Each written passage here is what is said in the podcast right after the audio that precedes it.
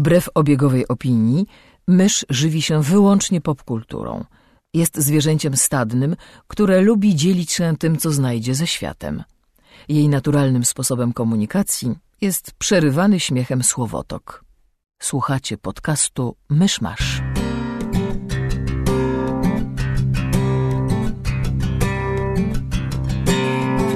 Drodzy słuchacze, jest poniedziałek, 5 czerwca 2017 roku, 760. rocznica nadania praw miejskich Krakowowi. Zapraszam do 185 odcinka podcastu Myszmasz. Krakowowi? Tak to się odmienia? No a jak inaczej? Krakowu? Nie. Krakow, tak. 760 e, lat temu e, Krakowia została, została miastem. E, Cześć, jestem Krzysiek Ceran, a ze mną przy mikrofonie są. Kamil Borek? I mysz. Cześć. Ale mówisz i jakby na tym kończyła się wyliczanka, a przecież mamy tu jeszcze. Negus, bloga Katus Gikus. W roli mniej lub bardziej stałego gościa na dochodne. Drugi tydzień z rzędu, idę na rekord. No. E, dobrze, to tradycyjnie co się wydarzyło w popkulturowym świadku, a co nam wpadło w nasz y, jakże szeroki e, radar zainteresowań? To się prawdopodobnie nie nagra, ale ponieważ jest gorąco, nagrywamy przy otwartym oknie i balkonie i w ogóle i Dźwięki z przyrody. zewnątrz mogą dochodzić dźwięki. A może one się nie nagrają, wtedy tylko my będziemy robić takie pauzy i patrzeć po sobie i zastanawiać się, czy to się nagrywa. To jest świetny podcasting, po prostu złoty materiał. E, Lecimy dalej. E, Pojawił się zwiastun do najnowszego filmu Kennetha Branafa, I zresztą wszyscy- z Kennethem Branaghem e, w roli głównej. Hercule Poirot. Tak, mowa o morderstwie w Orient Expressie, wersja Nasta prawdopodobnie. Tak jest. I wszyscy zadają sobie jedno bardzo kluczowe pytanie. I wbrew pozorom nie jest to pytanie, kto zabił, bo ci, którzy czytali książkę, to wiedzą, a ci, którzy nie czytali, to i tak będą się zastanawiać, bo jest to, jakby nie patrzeć, zagadka kryminalna. Natomiast wszyscy sobie zadają pytanie, po chuj tam wrzucono piosenkę Imagine Dragons? Nie, nie to pytanie. Nie, seriously, ta piosenka nie ma żadnego prawa tam być. Ja kocham Imagine Dragons i uważam, że czasami fajnie jest mieć e, piosenkę, która jest, że tak powiem, z zupełnie innej epoki niż film, e, niż epoka, w której rozgrywa się film, ale to było bez sensu. Ja nie protestuję dlatego, że nie dzielę y, twojego oburzenia na piosenkę zwiastunie, bo też mi się nie podobała, ale to nie jest to pytanie, które wszyscy sobie zadają. Wszyscy sobie zadają pytanie, co czuł ten pies, kiedy zjadał go Kenneth Branagh, Jakie którego uszy teraz służą za wąs. Jakie martwe zwierzę przykleję sobie Kenneth Branagh. Nie, ale serio, kto to wymyślił? Dlaczego? Przecież design Herkulesa Poir- Poirot w tym filmie zupełnie nie odpowiada temu, co było w książce i zupełnie nie odpowiada temu, jaką postacią miał być Herkules Poirot. Dobra, ale możemy w ogóle zacząć od tego, że Kenneth Branagh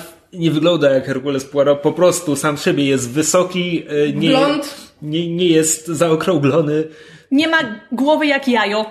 Tak, właśnie. Ma siwe włosy, a Herkules Poirot farbował włosy aż do śmierci, bo był po prostu próżny i chciał, żeby wyglądał ładnie. Ale przyznasz, że są to fantastyczne wąsy do pomadowania, to znaczy No to przy takiej ilości... mam nadzieję, że dadzą tą scenę, w której będzie je pomadować. No musi Bo na razie są siwe. Wygląda jak jakiś niedorobiony dziadek mróz. Nie mam pojęcia, dlaczego on tak wygląda w tym filmie. Ja w ogóle mam Znaczy w polskim mundurze wyglądał dobrze.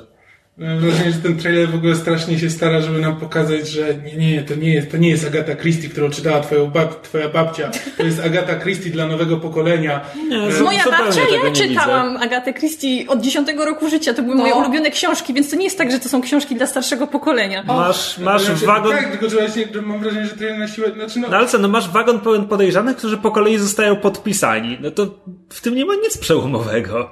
To znaczy, ja się nie zgadzam z tymi, którzy mówią, że ten zwiastun jest strasznie przefajnowany i on jest na siłę robiony jako taki y, w- nowoczesny, bo ja, te, ja tego nie widzę. Mnie to pasuje, mnie Jedyne- nie pasuje piosenka i nie pasuje mi Kenneth Branagh jako Herkules. Je- jedyne ewentualne udziwnienie, jakie tam widzę, to to, że posługują się jakoś, jakąś neonową czcionką.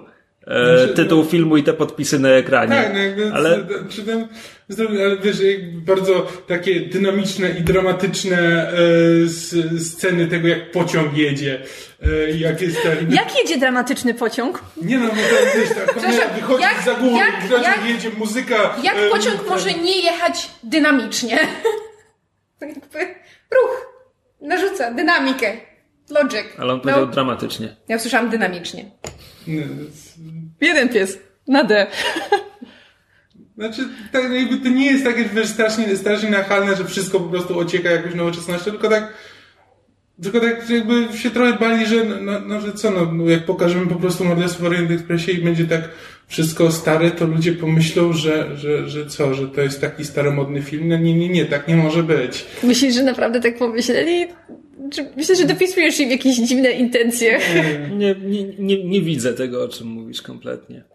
Ale ja miałam dużo skojarzeń z Harrym Potterem. Właśnie jak jechał ten pociąg i jest tam takie jedno ujęcie, które jest praktycznie żywcem wyjęte z Harry'ego Pottera. Jak Herkules Poirot wychodzi przed czoło pociągu i idzie do przed siebie, to to jest scena podejrzewam z, jedne, z jednego z ostatnich filmów, kiedy jeden ze śmierciożerców zatrzymywał właśnie w ten sam sposób pociąg i to mi się, to mi się strasznie wtedy z Harrym Potterem skojarzyło. Mm. Niemniej jednak ja czekam, bo obsada jest, obsada jest niesamowita. I Leslie Odom Jr. zagra w filmie pełnometrażowym. To? I Johnny Depp szybko zginie. Leslie Odom Jr. to jest y, gość, który grał Aurona, Aurona Bera na Broadwayu w, w Hamiltonie i jest fantastyczny. I, I cudowne jest to, że Johnny Depp zginie w ciągu pierwszych 10 minut filmu. Spoiler. Kocham ten film za to. A to nie jest żaden spoiler! No, jak ktoś nie zna książki, Zaraz, ale w Nie zwiastunie kto masz będzie wymienionych ofiarą. wszystkich podejrzanych i nie ma tam Johnnego Deppa, no to wiadomo, że on, że on zginie. To on jest ofiarą. może jest krystalicznie uczciwy. Johnny Depp. Come on. Nie no, oddzielna aktora od postaci. Nie, niena, nienawidzę tego faceta. Really? Nienawidzę tego Really, faceta, no? naprawdę. Znaczy, mnie, ale autentycznie, bo ostatnio zobaczyłam jakieś, e, jakieś ten, e, zdjęcia z, e, no, Edwarda Nożycorękiego, a z kolei w, w Piratach z Karaibów jest taka scena, która mi bardzo Don Juana de Marco przypominała, gdzie Johnny Depp był młody i piękny i wszyscy go kochali. I tak się zastanawiam, jaki aktor przyszedł w swoim życiu taką karierę od bożyszcza tłumów do jednego z najbardziej nielubianych aktorów, no bo znaczy on jest nadal zatrudniany i nadal jest uważany za gwiazdę, ale jeśli chodzi o, o opinię Mel publiczną o Gibson, nim... Bill Cosby? Du- dużo, dużo Tak, ale właśnie Wielu Bill aktorów- Cosby jest, jest starszy, Mel Gibson jest... Corey Feldman- czekaj, Johnny Depp wcale nie jest już młody. No Corey właśnie. Feldman? Ale Corey Feldman się od, odbił od, od... Tak samo jak Sean. Penn też się niby on się odbił. odbił od czego? A który to jest Corey Feldman w ogóle? No to jest z, z, z Stand By Me i Lost Boys. Tak, i wygląda jak żółw ninja. A co, co on zrobił? Że y, ten, że mielibyśmy Znaczy- go nie lubić? No miał problemy z narkotykami, no. Znaczy nie to, że nie lubisz, tylko po prostu miał taką typową karierę ten dziecięcego aktora, że w sensie przez chwilę, przez chwilę wszyscy mu wróżyli wielką karierę i wielką przyszłość, a potem zaczął się obracać w różnych dziwnych towarzystwach i po prostu zrobił się parodią Ale nie, no bo tutaj mówimy w tym momencie o dwóch różnych kategoriach aktorów, bo takich, którzy mieli załamanie narkotyko, narkotykowe i alkoholowe, to było mnóstwo. No, Robert Downey Jr. się z tego odbił, Joaquin Phoenix się z tego odbił, ale to mi chodzi, myślę, że myszy chodziło bardziej o takich aktorów, którzy po prostu prali swoje żony, tudzież partnerki i mimo wszystko mieli piękne kariery. Znaczy, niekoniecznie, Connery. że prali swoje Sean żony, ale właśnie to... to Sean Penn, Madonnę nie bez po- powodu wspomniał Mela Gibsona. Znaczy, to są po prostu ludzie, którzy swoim zachowaniem zrazili do siebie ludzi. W, z takich czy innych powodów. No i co, czy, czy, Znaczy, wiesz co, Sean Penn do dzisiaj pracuje, no no, jakby. to, no właśnie. O to chodzi. No niestety. No mi głównie ten zwiastun przypomniał, że ja nigdy nie przeszedłem The Last Express do końca i to wciąż jest pewna taka plama. No. Och, to jest fantastyczna gra, tylko to znaczy ona byłaby rewolucyjna, gdyby ktoś ją naśladował potem, ale nikt. nie- The Last Express to jest y, gra przygodowa sprzed pewnie już 20 lat w tym momencie, którą zrobił człowiek z nazwiskiem na M. Imię na R, nazwiska na M. Mechner. To jest człowiek, który, y, którego pierwszą grą, albo jedną z pierwszych było Prince of Persia. Mm, Tak, y, No, no właśnie. E, I The Last Express to jest e, gra przygodowa, która jest. Ona jest e, rysowana, ale to nie, ona nie ma płynnej animacji. Ona to jest rotoskopia bodajże. Tam chodzi o to, że jakby kadry płynnie przechodzą jeden w drugi, e, ale między kadrami jest jakby 15 klatek wyciętych, więc to są po prostu takie bardzo skokowe no nic, ma to, ma, to, ma to bardzo fajny klimat. Akcja toczy się tuż przed wybuchem I wojny światowej e, w Orient Expressie. Tytułowy The Last Express to jest jakby ostatni pociąg jadący trasą Orient Expressu. No i ktoś tam ginie na, na pokładzie i jest tajemnica i jest mnóstwo spiskowców i innych takich. Ma świetną muzykę, świetny klimat. Jest po prostu, nie wiem, w 15 różnych językach są dialogi. Na szczęście gramy poliglotą, więc wszystkie mają podpisy. Ale czy to, tam nie było jakoś tak, że tam mógł zginąć różne, różne osoby? Nie. Czy... Nie, nie, nie, nie. E, Tam myk gameplayowy dziwny polega na tym, że gra się toczy nie tyle w czasie rzeczywistym, tylko po prostu wydarzenia się toczą. Jeśli jesteś okej. w złym wagonie, możesz po prostu przegapić połowę akcji. Ha! E, Ale też gra pozwala ci cofnąć zegar w każdej chwili, żeby tam wiesz, eksperymentować i znaleźć. To, znaczy, to jest fajny mechanizm, który niestety czyni grę trochę toporną do, do, do ogrania. Więc ja się w nią. Ja robiłem do niej chyba dwa czy trzy podejścia i myślę, że tak z pół gry przeszedłem, a. No nic, jest bardzo fajna i myślę, że może, może kiedyś. Kiedyś po prostu będę grał z solucją gdzieś tam w zakładce żeby wiedzieć, gdzie iść. Nieważne, to tyle jeśli chodzi o pociągi i morderstwa w pociągach. E, A jeszcze z newsów em, takich e, około komiksowych, to przyuważyłam na Twitterze informację, że podobno em, jedną z osób, które mają mieć coś wspólnego z tworzeniem e, adaptacji komiksu The Runaways, e, ma być pisarka Rainbow Rowell. Źle przeczytałaś. E, se- Dziękuję za poprawienie. Rainbow Rowell nie ma nic wspólnego z serialem i adaptacją. Rainbow Rowell będzie pisała nową serię komiksową widzisz, Runaways. w tę stronę. Zobaczyłam nazwisko, zobaczyłam tytuł i automatycznie mój mózg skojarzył, że chodzi o tę nową adaptację. No, o ile wiem, Rainbow Rowell nigdy w życiu nie napisała dotąd komiksu. Wcale nie przy takich dobrych Na, książkach. natomiast nie jest. Przypomnijmy, co ona napisała. To jest autorka Young Adult, która napisała bardzo znaną książkę Fangirl.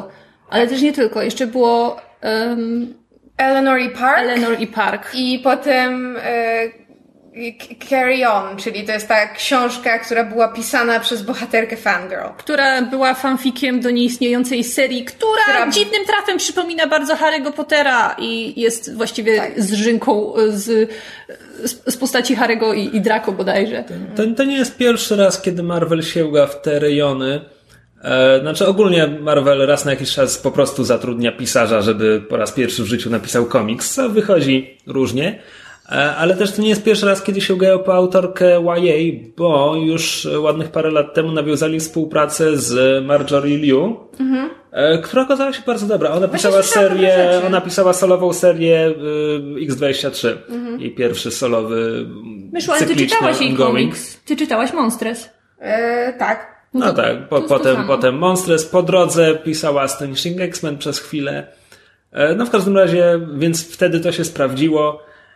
Ja lubię Runaways, więc trzymam kciuki, aczkolwiek te zapowiedzi jasne, że oni dostają nowy, nowy komiks, bo za moment będzie serial, więc to jest zrozumiałe. Natomiast ponieważ będzie serial na bazie pierwszej serii komiksowej, więc wygląda na to, że usilnie próbują cofnąć im komiksowy zegar, bo na razie pokazują po prostu tych, tych oryginalnych członków ekipy. E, I nie wiem, co z tego wyjdzie, bo, bo ci bohaterowie zdążyli się pozmieniać na różne sposoby. I wcale nie jestem przekonany, czy.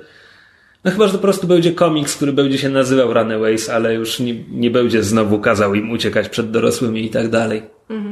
Bo po prostu, no bo na przykład tam jest ta wiedźma Niko Minoru, która w ostatnich latach no, by, była członkinią zespołu, który to oficjalnie nie byli Avengers, no ale tam, wiesz, była po imieniu z Captain Marvel, królową Inhumans, She-Hulk i tak dalej. Jest jakby, jeśli jest jakiś superbohaterski establishment, to, to Niko Minoru jest w tym establishmencie.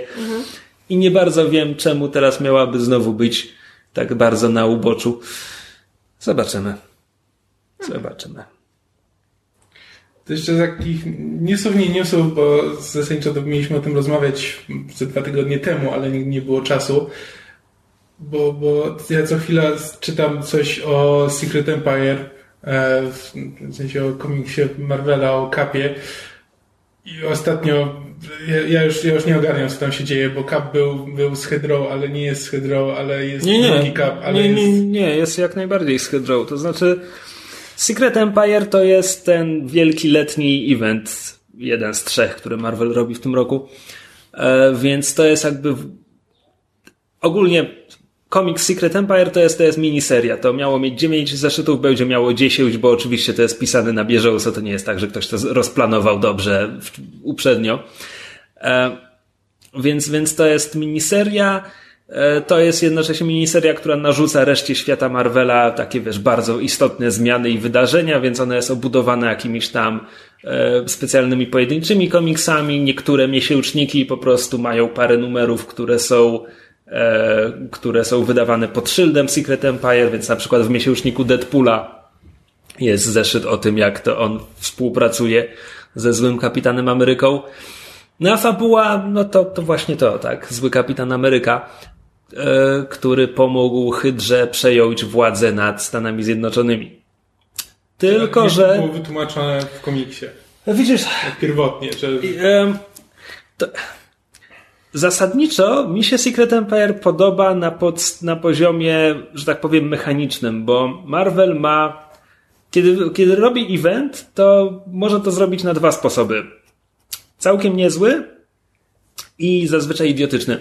Więc całkiem niezły jest, kiedy e, jakiś duży event wypływa z rzeczy, które były budowane wcześniej w regularnych seriach, były, wiesz, zapowiadane. Widzieliśmy jak, jak z, kładą, zostały położone fundamenty pod daną historię. A są historie, które po prostu się zaczynają, wiesz, jest pierwszy numer eventu jest wielkie łup, coś wybuchło, przyszedł wielki zły, coś się stało. I to zazwyczaj nie wychodzi dobrze. I na przykład Civil War 2 w zeszłym roku, czy mówię w zeszłym roku, ono chyba litościwie się skończyło dopiero w tym roku. E, miało ogromne opóźnienia.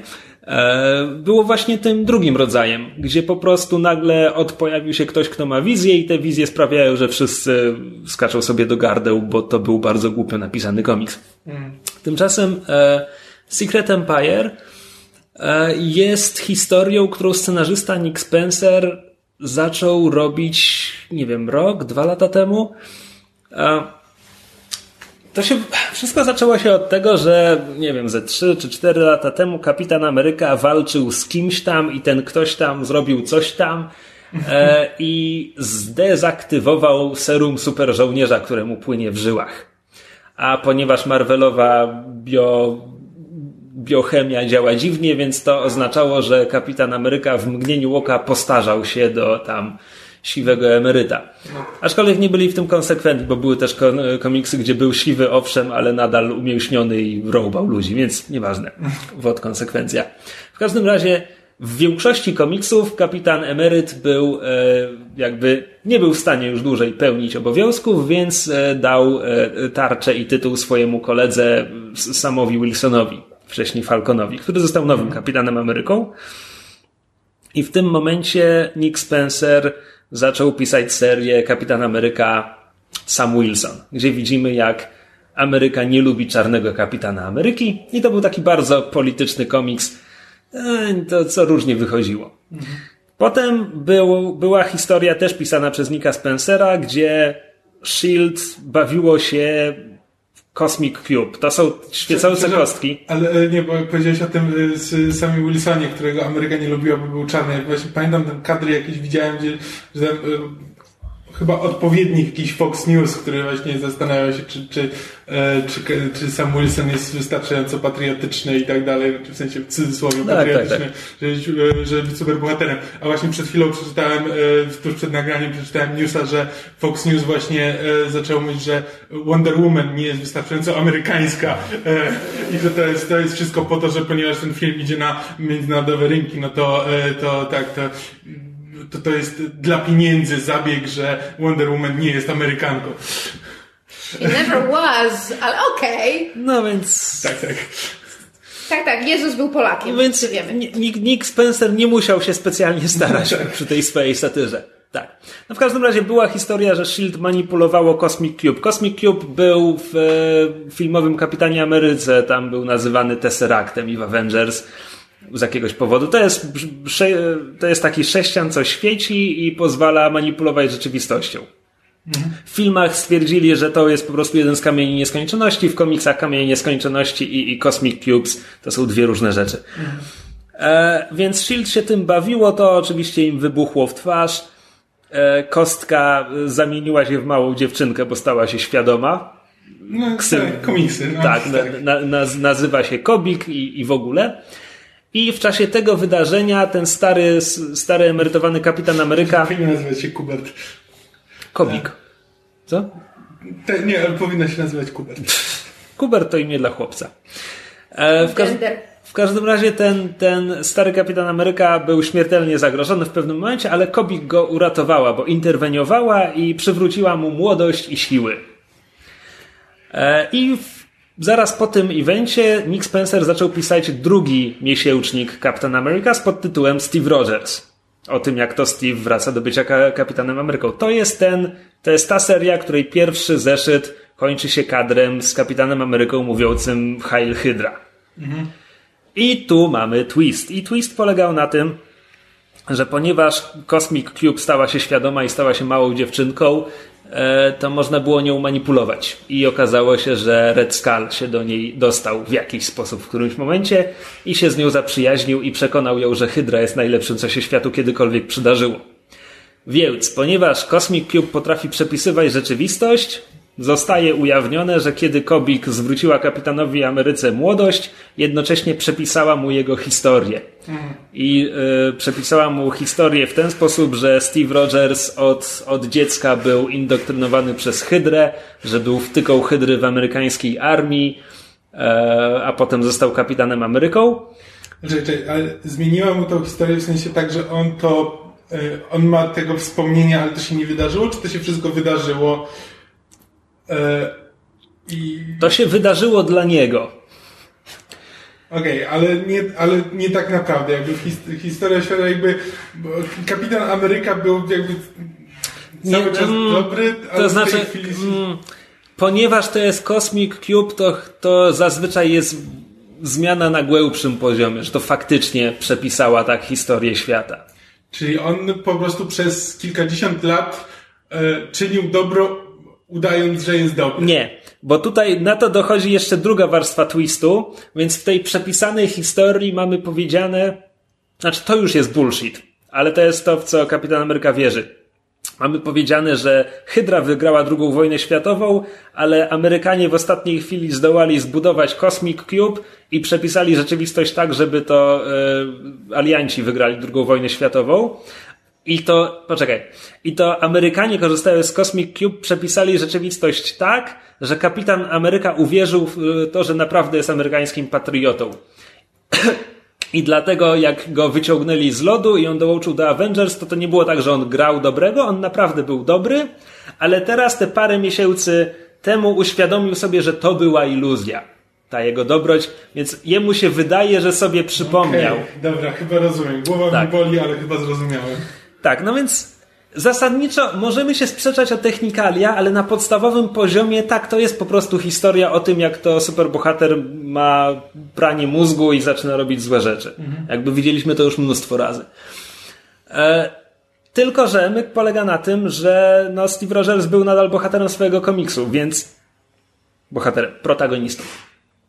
Więc Nick Spencer przez tam, przez dobry rok po prostu pokazywał w tym komiksie, jak Rogers manipuluje swoimi towarzyszami, którzy oczywiście mu ufają, jak zostaje wybrany nowym dyrektorem S.H.I.E.L.D., jak e, ten... A czyli, przepraszam, czyli w momencie, kiedy y, Kapitan Ameryka mówi Hail Hydra, to jakby jeszcze, te, to od tego momentu jeszcze nikt nie wie, że on jest zły, tak? Tak, tak, jak najbardziej. On, on działał w sekrecie przez, przez dobry Dobra, rok, okej. czy coś takiego. Został dyrektorem S.H.I.E.L.D., wmanewrował żołd amerykański w przegłosowanie y, ustawy, która stwierdza, że tam w razie tam wyjątkowego zagrożenia dla całej planety, że to S.H.I.E.L.D. przejmuje e, zarządzanie armią amerykańską i tak dalej. Po czym doprowadził do takiego zagrożenia całej planety. To jest zresztą, to jest plan jakby super Łotran jakby z najwyższej półki, bo wmanipulował całą armię kosmitów w atakowanie Ziemi, jednocześnie wywołał dwa inne kryzysy gdzieś na powierzchni planety, więc oczywiście ten specjalny akt zostaje wprowadzony w życie. No i w momencie, kiedy Rogers ma dowodzenie całą obroną terytorium Stanów Zjednoczonych w ręku, no to wtedy mówi Hail Hydra i Hydra dokonuje przejęcia Stanów Zjednoczonych. A samo Secret Empire zaczyna się już ileś miesięcy później, kiedy Hydra rządzi Ameryką już od jakiegoś czasu. No i mamy bardzo szybko powiedziane, że tam, nie wiem, dodają fluor do wody pitnej czy coś i tam wykorzystują wykorzystują telepatów, żeby trzymać populację w ryzach, ale z drugiej strony mamy też powiedziane, że jest bardzo wielu ludzi, którzy mówią, no, okej, no. Kapitan Ameryka zaprowadzi porządek. Spoko. No tak. I to jest ten komiks. Teraz e, drugi numer Secret Empire kończy się takim, hmm, hmm, nie wiem, nie wiem czy to nazwać twistem, bo nagle jest jakaś kobieta gdzieś w lesie, która ucieka przed jakimiś przeciwnikami i nagle tych przeciwników ktoś, ktoś bije. I mamy, kamera się oddala i widać, że to jest brodaty Steve Rogers w takich tych, ten combat fatigues taki. To nie jest do końca mundur, no powiedzmy w porwanym mundurze i tam pada kwestia, że jestem Steve Rogers i chcę wrócić do domu. Tylko, że w komiksie nie ma przesłanek, które jakby pomogłyby ci to odczytać jako, czy mamy to traktować dosłownie, czy to jest może wizja, co się dzieje w umyśle Steve'a, że tam gdzieś prawdziwy, prawy i szlachetny Steve Rogers walczy. Nie wiadomo. Więc kiedy mówisz, że jest zły kapitan i dobry kapitan, nie wydaje mi się, żeby to było do końca tak. Wyszedł już trzeci numer i tam ta scena zostaje kontynuowana i albo jest bardzo dziwnie napisana, albo moim zdaniem dość jednoznacznie wskazuje, że nie należy tego odczytywać jako czegoś, co się naprawdę dzieje. A, okej. Okay. Wydaje mi się, Nie, że to jest symboliczne. Bo ja właśnie pamiętam, że po prostu wszyscy mówili, że nie no, to pewnie to jest jakiś podstawiony Steve Rogers, że jest drugi Steve Rogers, a twórcy mówili, że nie, nie, nie ma żadnego drugiego Steve'a Rogersa, to jest ten Steve Rogers, który zawsze był, jest i będzie. E, To znaczy- A potem się właśnie, potem właśnie ta scena, że, że to, myślałem, że to jest taki po prostu e, kasus, e, czekaj, czego to było? E, w Into Darkness, gdzie, Kam. że tak, że Nie ma ten, to jest nie Kam. Nie, nie, nie, to nie jest Kam.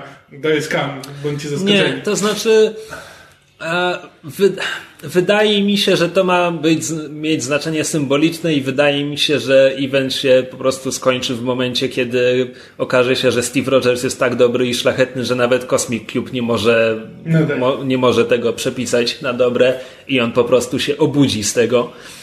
E, Natomiast jest inna rzecz, co do której jestem święcie przekonany, że Marvel kłamał żywe oczy, bo, bo gdzieś tam zapewniali również, że Secret Empire jakby, że się dzieje, że się dzieje naprawdę, że będzie miał poważne konsekwencje dla świata Marvela i że nie cofnął tego magiczną różdżką.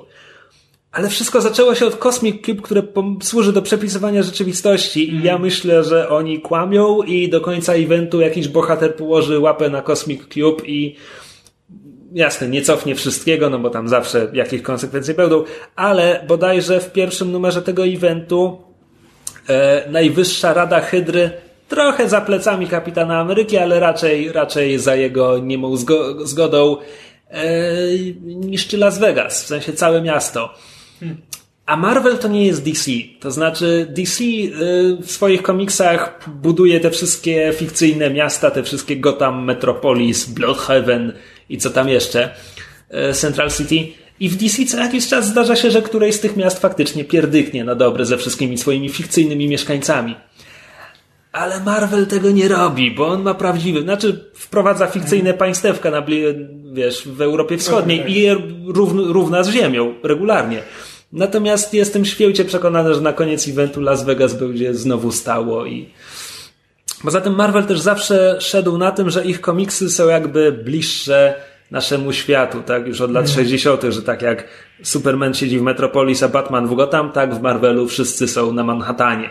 Tym prawdziwym Manhattanie. W związku z tym no, no mają teraz faszystowsko-nazistowskie Stany Zjednoczone. To się nie utrzyma, to się nie może utrzymać. I pisanie komiksów, wiesz, że myśl o tym, że za pół roku ukaże się komiks, gdzie nie wiem, przyjaciel Spidermana mówi do niego, hej, pamiętasz kiedy wszyscy byliśmy faszystami? To był dziwny tydzień. Ale może tak będzie, kto wie. W każdym razie, e, Czy, czy, czy, czy to jest dobre? Czy to jest takie, że, że są, jest parę dobrych rzeczy, ale w sumie... E. Słuchaj, mi się to podoba, bo znaczy Steve Rogers jest świetnym vilanem. Jest naprawdę, naprawdę mi się fajnie to czytało. E, ja nie jestem Amerykaninem, więc ja nie czuję tego całego internetowego płaczu, że ale kapitan Ameryka nie może być nazistą. No tak. No bo, nie wiem, no bo czytam komiksy od nastu lat i jakby schemat, superbohater ma pranie mózgu i staje się zły, no jakby, no tak, no, wtorek. Em, Więc e, mi się to dobrze czyta. To nie, jest, to nie jest pod żadnym względem, wiesz, bardzo dobry komiks Mhm. czy coś, ale moim zdaniem jest dobrym komiksem rozrywkowym. Ma fajne rysunki. Moim zdaniem jest całkiem nieźle napisany po prostu jako intryga. A, a ta wizja faszystowskiej Ameryki jest, jak jest przedstawiona?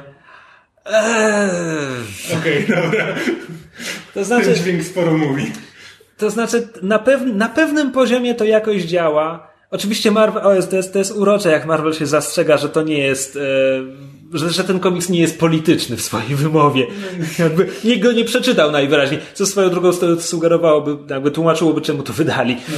A w niektórych komiksach to jest pokazane w miarę, to znaczy to pokazuje tych Amerykanów, którzy wiesz, przede wszystkim pragną porządku i podejrzliwie patrzą na sąsiadów, jeśli mają nieodpowiedni kolor skóry albo są inhumanami. No tak. Eee, ciekaw, ciekawostka, w tym komiksie Amerykanie wybudowali obozy koncentracyjne dla inhumanów. Znaczy, U. Hydra wybudowała, no ale... No tak. Znaczy, to jest właśnie, to jest kolejna warstwa, to jest, e, bo na przykład w tej, w tym komiksie praktycznie nie ma mutantów, co jakby z punktu widzenia scenarzysty ja to rozumiem, bo X-Meni, X-Menów jest za dużo, to znaczy przecież to jest sto kilkadziesiąt postaci z mocami, gdyby oni mieli walczyć z Hydrą, to fabuła tego komiksu musiałaby wyglądać zupełnie inaczej. Nie można też ich kompletnie olać, więc je, mamy powiedziane, że Mag- e, Steve Rogers dobił targu z Magneto, zanim wszystko się zaczęło i Hydra pozwoliła mutantom zająć Kalifornię. Więc oni tam mają swoje mutancie teraz, mutancią Kalifornię i Hydra na razie im się tam nie pakuje, co z jednej strony znaczy, ja to kupuję, że Magneto by na coś takiego poszedł, bo Magneto by spokojnie sprzedał planetę pełną Homo sapiens, żeby mutantom było dobrze w Kalifornii. Natomiast teraz mamy tych stu kilkadziesięciu X-Menów, którzy przymykają oko na nazistowską Amerykę za, za miedzą. No tak. No. Um, jakie było pytanie? Nie wiem, czy to było dobre, ale czy byś polecił ten, ten, ten, ten komiks, czy nie? Nie. Nie, bo to jest. Yy, to nie, moim zdaniem to nie jest. Marvel to wydaje jako event i moim zdaniem to jest błąd. Moim zdaniem to powinny być po prostu kolejne numery miesięcznika Kapitan Ameryka, bo to nie jest historia, która się zaczyna w numerze pierwszym Secret Empire. To nawet nie jest historia, która zaczyna się w numerze zerowym Secret Empi- Empire, aczkolwiek numer zerowy był bardzo ważny i nie powinni go byli wydawać jako numeru zerowego, bo jeśli ktoś po niego nie sięgnął z myślą, że w zerówkach nigdy nie ma niczego ważnego, bo zazwyczaj nie ma, teraz przegapi jakby punkt zapalny całej historii.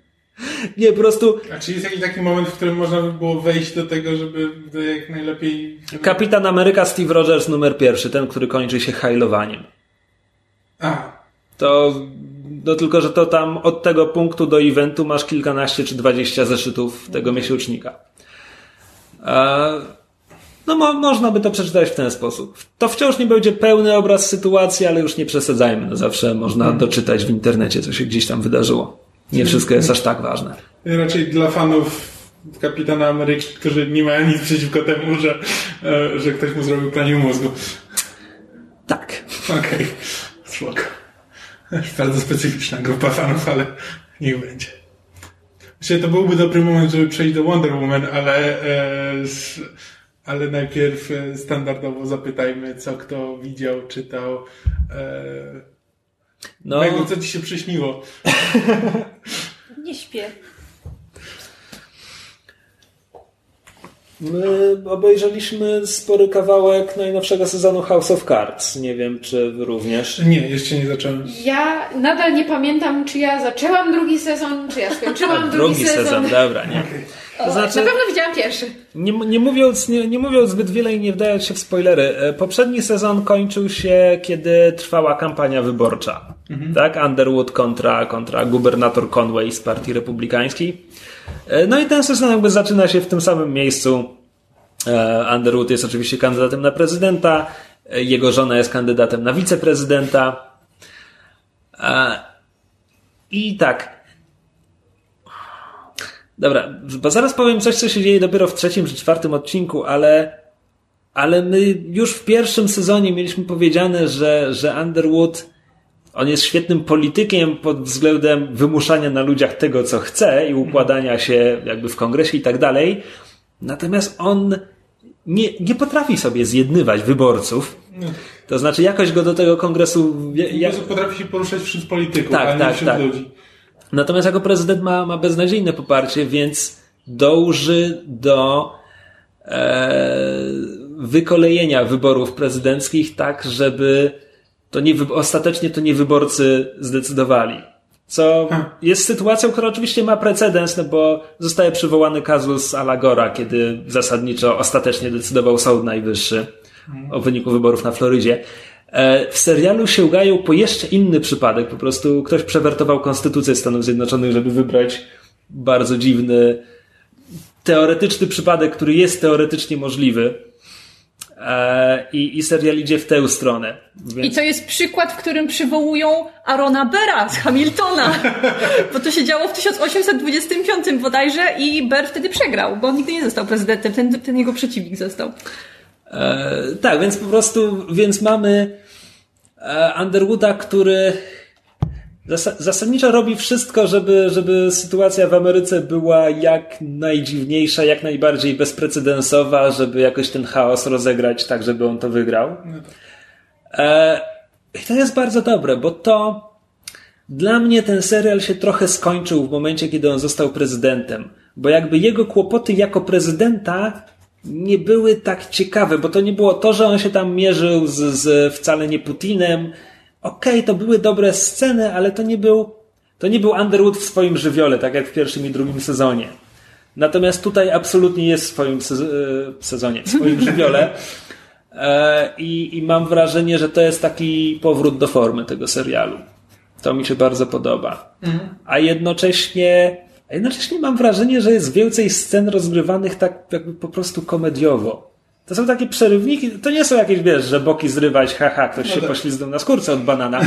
Tylko są po prostu takie bardzo kuriozalne sytuacje, gdzie jest, jest jakiś dialog, który ma jakby zabawne e, konsekwencje? Nie. E, to są bardzo, wymowę. bardzo cięte komentarze, które niekoniecznie miały mieć wy, wyraz tak? komediowy, ale bardzo często tak kończą. Tak, I, i dość często kamera jakby zatrzymuje się na dłużej na tych ludziach, którzy właśnie ktoś coś powiedział, coś, co było tak dziwne. tak jest taka... stopklatka, tak? Tak. Trochę Napisy tak. zaczynają lecieć i muzyka. Nie, nie aż tak, ale właśnie ale jest, jest wygrywana taka niezręczność wybrzmiewa w tych scenach i to bardzo mi się to podoba. Mam też wrażenie, że jest więcej tych, tych asides, tych scen, kiedy, kiedy Kevin Spacey zwraca się do kamery. Tak, bo tego w poprzednim sezonie nie było prawie w ogóle. On się dopiero z powrotem do widzów zwrócił na samym końcu w ostatnim odcinku. To było w czwartym On... czy w trzecim sezonie? W, w czwartym sezonie. Tam było bardzo mało tych, e, bardzo, bardzo mało e, łamania, e, tak. przybijania tej I, czwartej ściany. I też mam wrażenie, że jakby że jeszcze je podkręcili, bo poza takimi zwykłymi, że on z kimś rozmawia, zwraca się do kamery, kontynuuje rozmowę, są też takie całe sceny, gdzie mamy jakąś, które są już kompletnie odre, odrealnione, że mamy po prostu kamera pokazuje jakiś tłum czy coś, a, a Kevin Spacey chodzi wśród tych ludzi i mówi do kamery, jakby fizycznie Underwooda nie ma tam. To jest nie. po prostu taka konstrukcja tylko, która, która się bardzo dobrze sprawdza.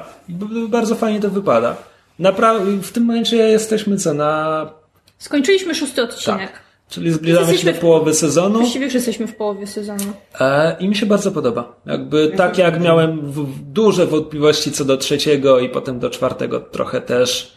E, tak, na razie mi się to bardzo podoba. Z drugiej strony pamiętam, że czwarty też mi się podobał, kiedy, kiedy grany przez Joela Kinamana Conway wszedł na scenę, a potem w drugiej połowie były dziwne rzeczy i był postrzelony Frank, który miał zwidy przez cały odcinek i w no ogóle tak. i to to nie był To było serial. na początku sezonu. On był, to był czwarty odcinek, kiedy on został chyba postrzelony, tak mi tak? się wydaje. No, może. W tym sezonie na pewno się o wiele więcej dzieje i wszystko się dzieje bardzo szybko. Chociaż my też z drugiej strony oglądaliśmy jeszcze jeden odcinek, jeszcze jeden, bo chcieliśmy się dowiedzieć, jak się kończą te cholerne wybory, a oni to tak przedłużają, że naprawdę trzeba no bardzo tak. dużo przeczekać, żeby się dowiedzieć, y, jak to, jak się ta cała sytuacja skończy. A, propos y, Conwaya jeszcze, to mi się bardzo podobało to, jak on się pojawił w poprzednim sezonie, bo stwierdziłam, że nareszcie to będzie ten przeciwnik godny e, Franka Underwooda, że to będzie ta osoba, mhm. z którą on się będzie mógł zmierzyć, bo dotychczas nie było takiej postaci. On wszystkich wgniatał w ziemię mhm. i, e, e, i wydawało się, że Conway właśnie to zmieni, a niestety już mam wrażenie, że ten piąty sezon z powrotem dodaje mu, ym, dodaje mu tyle słabości, że on przestaje być tym odpowiednim przeciwnikiem. Tak, to wygląda trochę tak, jakby scenarzy scenarzyści wprowadzali taką furtkę, żeby, żeby Zwłaszcza, że Conway to się dzieje dosyć jakby mógł, mógł przegrać sam z siebie, a nie przez Underwooda. Znaczy, tam już mam wrażenie, że trochę w czwartym sezonie jakby to się pojawiało, gdzie jakby e, Conway po prostu był nie, nie był tak bezlitosny jak, e, jak Frank i e, Nie, ale chodzi to jest- nie Tu jest po prostu inny... To bo, bo, ja myślę, że to nie jest jakaś straszna tajemnica. Oni po prostu w pewnym momencie zaczynają e, wspominać jego wyczyny wojenne i, przy, i wpisują w jego postać PTSD, która się coraz mocniej ujawnia i, i nie No, jestem to- pewna, czy to mi się podoba. no to by było rzeczywiście bardzo słabe, gdyby to on sam z siebie przegrał. No z drugiej strony, no stres robi swoje z ludźmi, takie traumy się mogą uaktywnić. Znaczy ja rozumiem, że jakby My mówimy jest tutaj to... o konstrukcji Nie, ja postaci. rozumiem, ja rozumiem, ale tak jakby... A- Ale, ale, ale właśnie widzisz, tak, to, to jest ludzkie i zrozumiałe i tak dalej, tylko że mówimy o serialu, którego główny protagonista jest nieludzki, jest Ja reptilianinem i właśnie byłoby fajnie, gdyby miał przeciwnika na tym samym poziomie. Tak. No, przeciwnik, który sam się pokonuje, no to tak nie jest szczególnie interesujący właśnie. pod kątem No właśnie. A konstrukcji jeszcze mam taką jedną małą uwagę, że jak zaczęliśmy to oglądać, ja zazwyczaj mam całkiem dobrą pamięć do fabuł. Ale tutaj po prostu postaci trzeciego planu tak bardzo nie, nie mam pojęcia, kto kim jest, czemu pomaga Underwoodom. Tak, przez większość scen pierwszego odcinka zastanawialiśmy się, ale co on tu robi? Co on robi w poprzednim sezonie? Co się właściwie stało w tym poprzednim ja, ja sezonie? To samo, ja mam od trzeciego sezonu mniej więcej to, to samo. Także czy- potrzebowaliśmy trochę burzy mózgów, żeby uzgodnić niektóre szczegóły. Ale na razie, na, na razie jest bardzo dobrze. Jestem ciekawa, jak się to rozwinie. No nie może się na pewno rozwinąć w tym kierunku, że Underwoodowie zupełnie stracą władzę, bo w tym momencie serial się skończy. No tak. Więc. Yy, ale jednocześnie ja, i ja to powtarzam od trzeciego sezonu, ja wciąż czekam na ten moment, że ja jednak będę mogła zobaczyć ten ich spektakularny upadek, bo oni zasługują na to, żeby, wiecie, gryźć ziemię od spodu i, i przecierpieć wszystko to, co inni ludzie przez nich przecierpieli. Także ja chyba, ja chyba sama nie wiem, czego ja od tego serialu chcę, bo ja wiem, że... Żeby se- był dobry. Żeby był dobry, tak, ale żeby złych ludzi spotkała sprawiedliwość, no bo... A, no bo nie można tak, no. No dobra. No akurat te, nadrobiłem amerykańskich bogów, więc może teraz się przesiądę na, na House of Cards w końcu. Ile już jest odcinków amerykańskich bogów? Pić.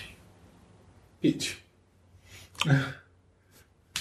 E, Znaczy jakby, tak tylko z, może skoro, skoro już o tym wspomniałem, to jakby e, raczej będziemy mówić więcej o tym, jak się ten serial już skończy. E, Przy czym jakby ja rozumiem wszystkie zarzuty, że ten serial jest wolny, ale mi się to tak strasznie podoba. Znaczy ja, nie wiem, no ja, siedzę, to jest jeden z niewielu seriali, które ja po prostu oglądam tylko oglądając ten serial. Znaczy nie robię w międzyczasie nic innego. Duża E, sztuka. tak, mi się, mi, się, e, mi się to rzadko zdarza. E, I tak jakby jest sporo takich powolnych ujęć i akcja też się nie śpieszy, a mimo wszystko jakby siedzę przed ekranem i wcale, wcale mi się nie śpieszy, żeby zacząć się za, za, zająć się czymś innym i żeby ten, że ten odcinek się w końcu skończył.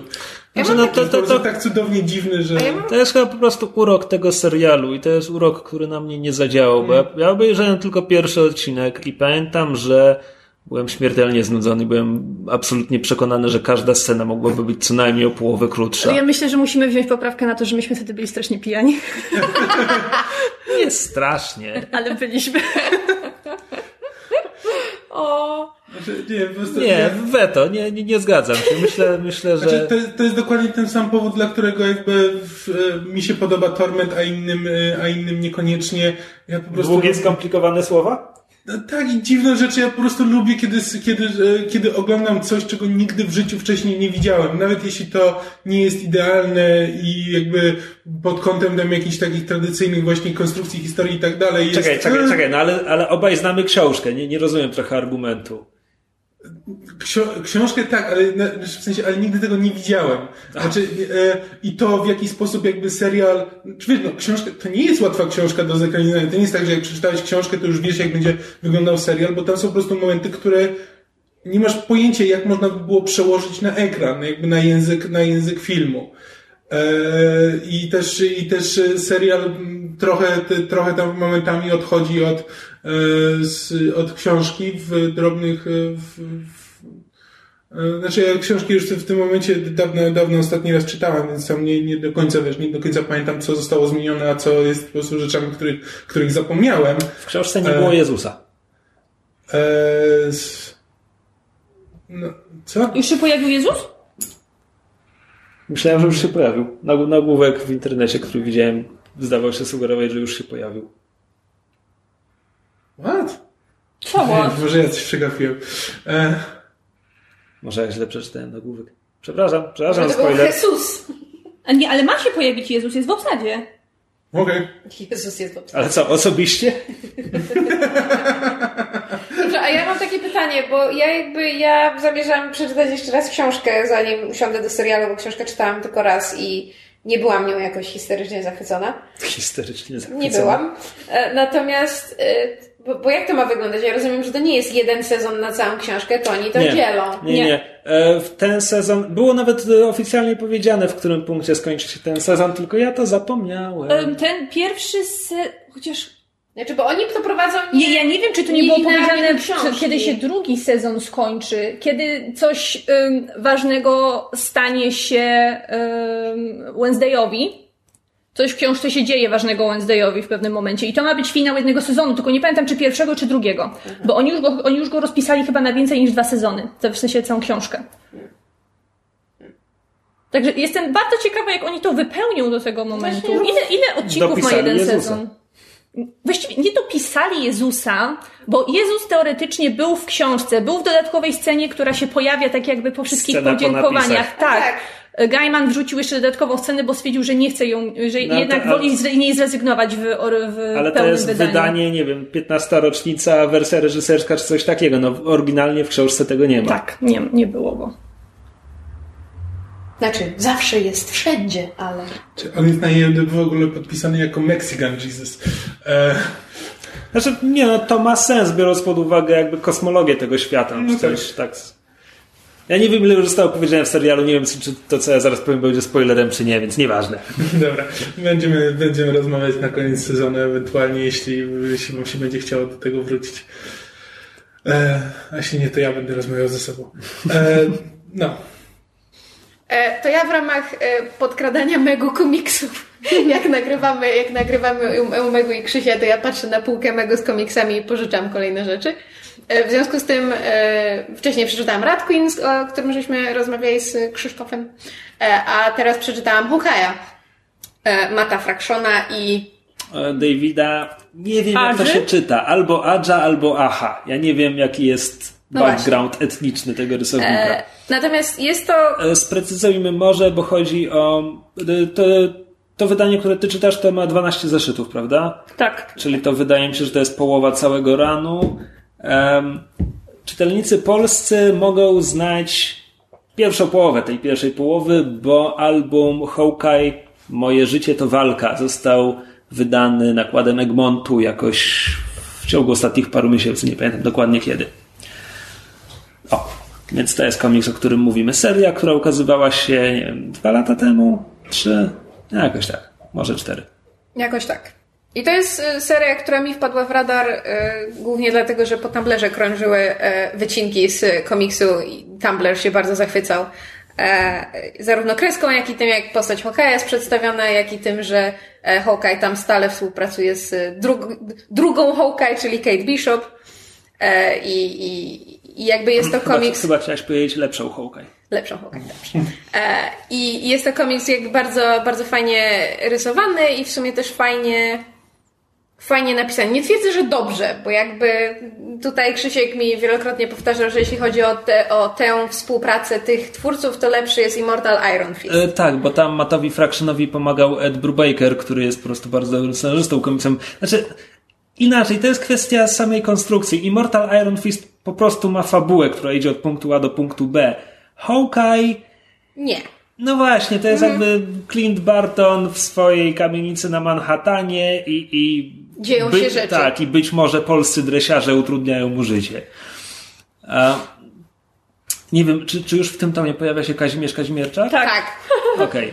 E, Tylko, że a czy już w tym tomie jest retrospekcja y, z, hi, z historii Kazimierza Kazimierczaka? Bo ta retrospekcja, Kawałek. Bo ta retrospekcja to raczej sugeruje, że on jest z Bałkanów, a nie od nas, więc No tak, wiesz, To jest świat, ogólno- świat Marvela. ogólnosłowiańska mafia, tak. Tak.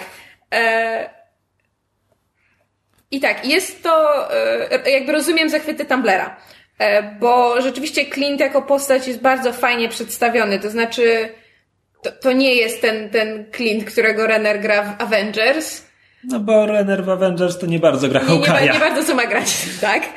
E, Nie, po prostu jego filmowa postać nie ma wiele wspólnego z żadną komiksową wersją tej. No chyba, że Ultimate, ale Ultimate Hawkeye to był Boots. Aha, dobrze wiedzieć. E, natomiast tutaj to jest właśnie taki em, friendly neighborhood Hawkeye, no jakby...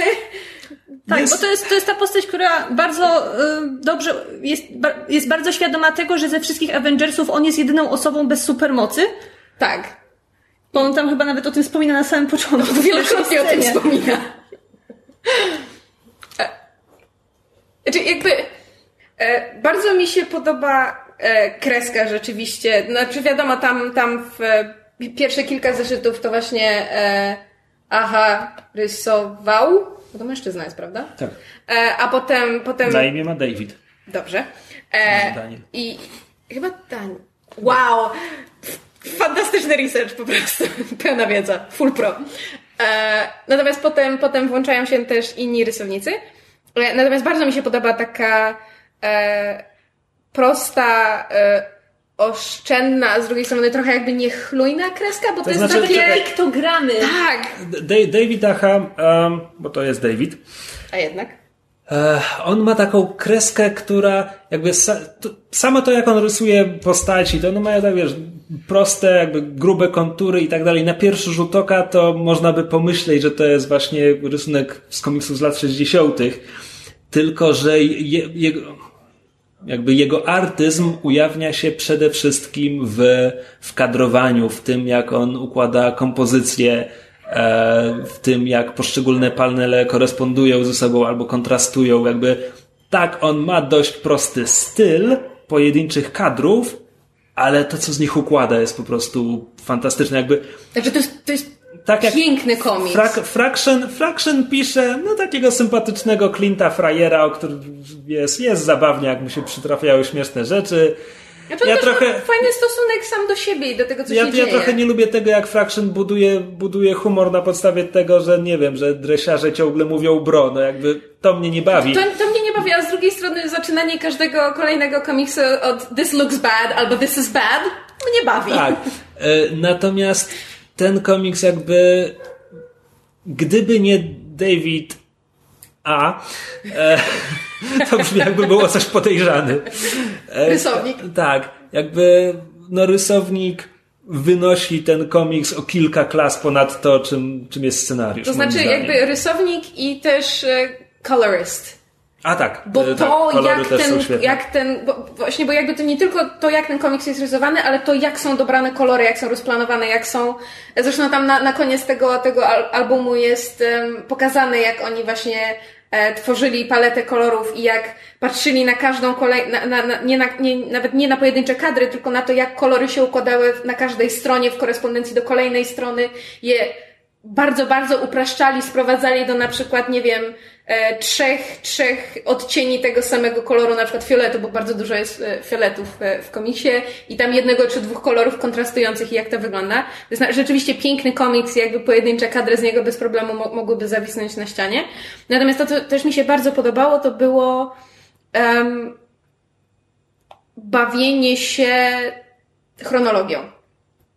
Bo to jest tak, że jakby w, No tak, tam w pojedynczej często zaczynamy historii. w środku akcji. Tak, zaczynamy w środku akcji, potem na przykład mamy jedną stronę, która jest retrospekcją, potem przewracamy, przewracamy y, stronę i mamy z powrotem do jakby teraźniejszości, potem znowu mamy jedną całą planszę z, z przeszłości i jakby one też się odróżniają kolorystycznie, więc jakby z rozmysłem to jest tak pokazane, że bardzo łatwo jest to śledzić, chociaż im dalej, tym gorzej. Były takie momenty, że musiałam się e, cofać i, i jakby czytać jeszcze raz, bo miałam wrażenie, że gubię em, kolejność wydarzeń. Zwłaszcza jest jeden taki e, jedna taka historyjka wokół Bożego Narodzenia. e, Gdzie mamy daty są wyszczególnione, żebyśmy wiedzieli właśnie w jakiej kolejności to idzie i mi chwilę zajęło, bo widziałam jakąś datę i stwierdziłam, no dobra, dali datę, żeby pokazać, że to jest w okolicach Bożego Narodzenia. Potem stwierdziłam, no w sumie to jest niepotrzebne, bo w pierwszym obrazku Clint ubiera choinkę.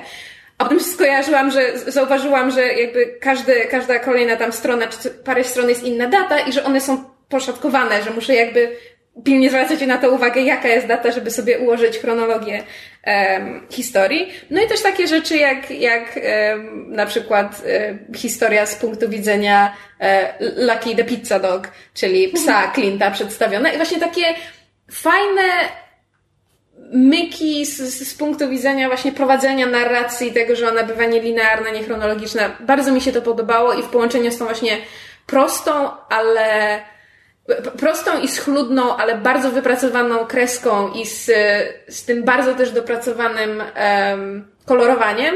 Strasznie mi się to fajnie czytało i z ogromną przyjemnością sięgnę po, po drugi album, zwłaszcza, że oczywiście jest cliffhanger. Natomiast nie wiem, tak, tak jak owszem, ci dresiarze mówiący bro, co autentycznie co trzecie słowo, to jest to karykaturalne, natomiast i- jestem jakby w stanie zaakceptować ta intryga, która się tam z nimi wywiązuje, jakieś tam przepychanki mafijne, w które Clint i Kate się wplątują, to okej, natomiast szczerze mówiąc nie wiem, czy mi się podoba właśnie ten, jakby ten Kazimierz, Kazimierczak, znaczy on jest tak wprowadzony dopiero pod koniec tego albumu i w sumie niewiele, niewiele wiemy, natomiast mam wrażenie, że się pojawia tak nagle i tak dużo informacji się nam o nim serwuje i tak nachalnie się nie wiem, miałam dysonans. Resztę, resztę, resztę komiksu mi się bardzo, że tak powiem, płynnie i fajnie czytało, a tutaj nagle miałam wrażenie, że jest dramatyczna i bardzo po angielsku jest jarring. Wy, Gryząca się. tak, wybijająca jakby z, z klimatu właśnie zmiana, zmiana klimatu. Brawo, myszu. E, tak, natomiast bardzo, bardzo wszystkich zachęcam. To jest rzeczywiście, jeżeli ktoś e, nie czyta komiksów, czyta ich mało, to to jest, mam wrażenie, fajna rzecz, żeby zobaczyć, jak można się e, bawić tą formą, jednocześnie opowiadać w sumie dość proste, ale fajne historyjki. Bardzo mają sympatycznych bohaterów, których jest łatwo polubić. Strasznie mi się podobało to, że em, jeżeli jakaś postać wtrąca coś w obcym języku, to w nawiasie kwadratowym nie mamy powiedziane, że na przykład co powiedział w tym obcym języku, tylko jest na przykład e, jakby to, co Clint usłyszał, czyli na zasadzie chyba to było jakieś przekleństwo po polsku albo po rosyjsku, nawet nie wiem. I jakby tak bardzo, bardzo fajnie z pomysłem to ujęte i, i naprawdę, naprawdę polecam, jeżeli ktoś czyta mało komiksów, mam wrażenie, że to jest właśnie takie fajne, bo obrazki są proste, ale ładne, łatwo jest się połapać w tym, co się dzieje. Z drugiej strony jest na tyle na tyle takiego właśnie twistu pod względem prowadzenia narracji, że jest też em, pod pewnymi względami wymagające, że trzeba się przyłożyć. To nie jest tylko tak, że przekartkujesz. Naprawdę fajny, fajny, fajny komiks. Polecam. Ja tak tylko na, chciałbym wspomnieć, że obecnie Kate Bishop e, pojawia się w swojej własnej serii pod tytułem Hawkeye, bo Marvel nie upraszcza życia. E, I to jest pisane przez Kelly Thompson. Mam wrażenie, że pierwsze wydanie zbiorcze jakoś niedługo powinno się pojawić, bo tam było już chyba z pięć czy sześć zeszytów. E, I to jest strasznie przyjemna seria, gdzie Kate jest e, w Los Angeles i to jest seria o Kate Bishop, która bierze pewne inspiracje właśnie z tego Hawkeye'a, o którym dotąd mówiliśmy, ale też bardzo dużo z Weroniki Mars i trochę z Buffy. Bardzo sympatyczna seria. That sounds nice. Dobrze, to skoro mówimy, mówiliśmy o e, superbohaterach na początku i teraz w środku, to również zakończymy na superbohaterach, przechodząc płynnie do filmu, który wszyscy widzieliśmy i który jest premierą, e, a jednocześnie tematem tygodnia, czyli Cud kobieta. Wzięłaś. tak. Cud, cud dziewoja. E, tak, Wonder Woman, wszyscy byliśmy.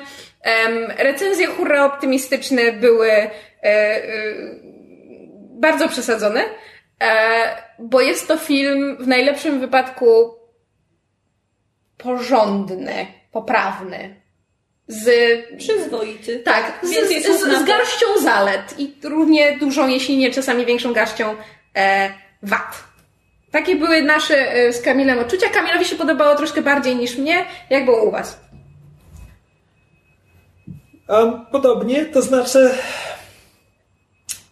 ogólnie moje zdanie sprowadza się do tego, że to jest ok film. No Marvel zrobił stuzin takich. A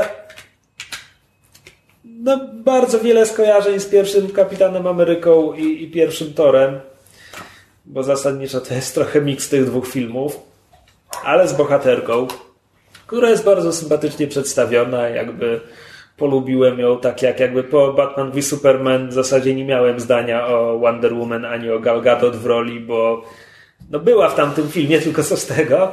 Tak tutaj jakby lubię i postać i lubię y, to jak aktorka ją e, przedstawia. W większości no, no ja nie rozumiem hurra optymizmu. Ja myślę, I że widziałem, wszyscy mamy z tym to znaczy, problem. bo jak, jak trafiam na recenzję, która mi wmawia, że to jest film, który rewolucjonizuje gatunek superhero, no to ja nie wiem, jaki film Znaczy, no, rewolucja polega na tym, że jest kobieta, główna Znaczy, ja bohaterka. mam wrażenie, Ale że- jeżeli Nie, mówimy nie, o bo rewolucji, jest mowa o rewolucji w gatunku, a nie po prostu, że... Ale ci ludzie nie podają przykładów, oni w ogóle nie argumentują tych swoich... e, Znaczy, ja mam wrażenie, że e, że jeśli ktoś mówi, że to jest rewolucja, to może ktoś obejrzał do, tak do końca drugiego aktu i potem wyszedł i po prostu założył, że film ciekawie rozwija to, co wprowadza. To bo jest tam jest, bo tam jest, gdyby, gdyby, no bo zasadniczo cały ark, cała historia y, Wonder Woman, no to ma, ma teoretycznie być taka, że no ona się ona jest tą naiwną bohaterką, która no, przekonuje się, że po pierwsze, że ludzie nie są, e, nie są tacy, e, tacy dobrzy, jak ona by chciała i że zło może niekoniecznie jest, e, sprowadza się do jednej postaci, która czyni zło i, i, i tak dalej. Gdyby to był, gdyby to film konsekwentnie pociągnął do końca, to byłby rewolucyjny film, że e, film, w którym jakby złym nie jest ten jeden zły człowiek, tylko po prostu zło, no to to jest coś, co istnieje w świecie. To, to jakby, Znaczy- to byłoby coś, co by jakby przynajmniej wywracało jakoś, e, no, subwertowało ten gatunek superhero. Ale to jakby Ale nie. problemem nie jest to, że tam jest jeden zły, który uosabia e, wszystko, z czym Diana próbuje walczyć, tylko jakby problemem jest to, jak, jak, jak zostało przedstawiona ta finałowa konfrontacja. Dla Znaczy, mnie nie, nie, problemem to jest, jest, to jest że... obok. Ja, ja się zgadzam z Kamilem. Dla mnie ten film byłby dużo lepszy, gdyby tam nie było tego złego. Znaczy, ale jakby mnie ten zły nie przeszkadza, bo ja to uznaję za, wiesz, za część tej... Ale on e, wywraca morał. Jakby jeśli morałem jest, że Diana musi zrozumieć, że ludzie nie są tacy szlachetni i prawi w ogóle i tylko ktoś im zatruwa umysły, tylko, że potem no Film jest ktoś bardzo- zły, kto im zatruwa umysły. Ale No może właśnie- wróćmy do tego w sekcji spoilerowej, bo to jest, za, to jest trochę ten... Znaczy, e, tak i nie, nie do końca się z tym zgadzam. Natomiast dla mnie sam, samo istnienie e, Big Bada nie jest problemem. Dla mnie problemem jest to, jak się rozgrywa finał. I w ogóle, że tak ten finał wygląda. Już To pomijam... wygląda strasznie. Ale nie, nie, nie chodzi mi o, Wiem, o kwestie wiem, wiem, techniczne, chciałeś tylko powiedzieć. jakby... Tylko chciałem wtrącić, że kwestie techniczne leżą. tak. zaczę, zaczęliśmy zupełnie od końca, bo zaczynamy Ale to normalne, my tak zawsze robimy. E, e, dobrze, to ja może e, powiem od siebie tak, że e,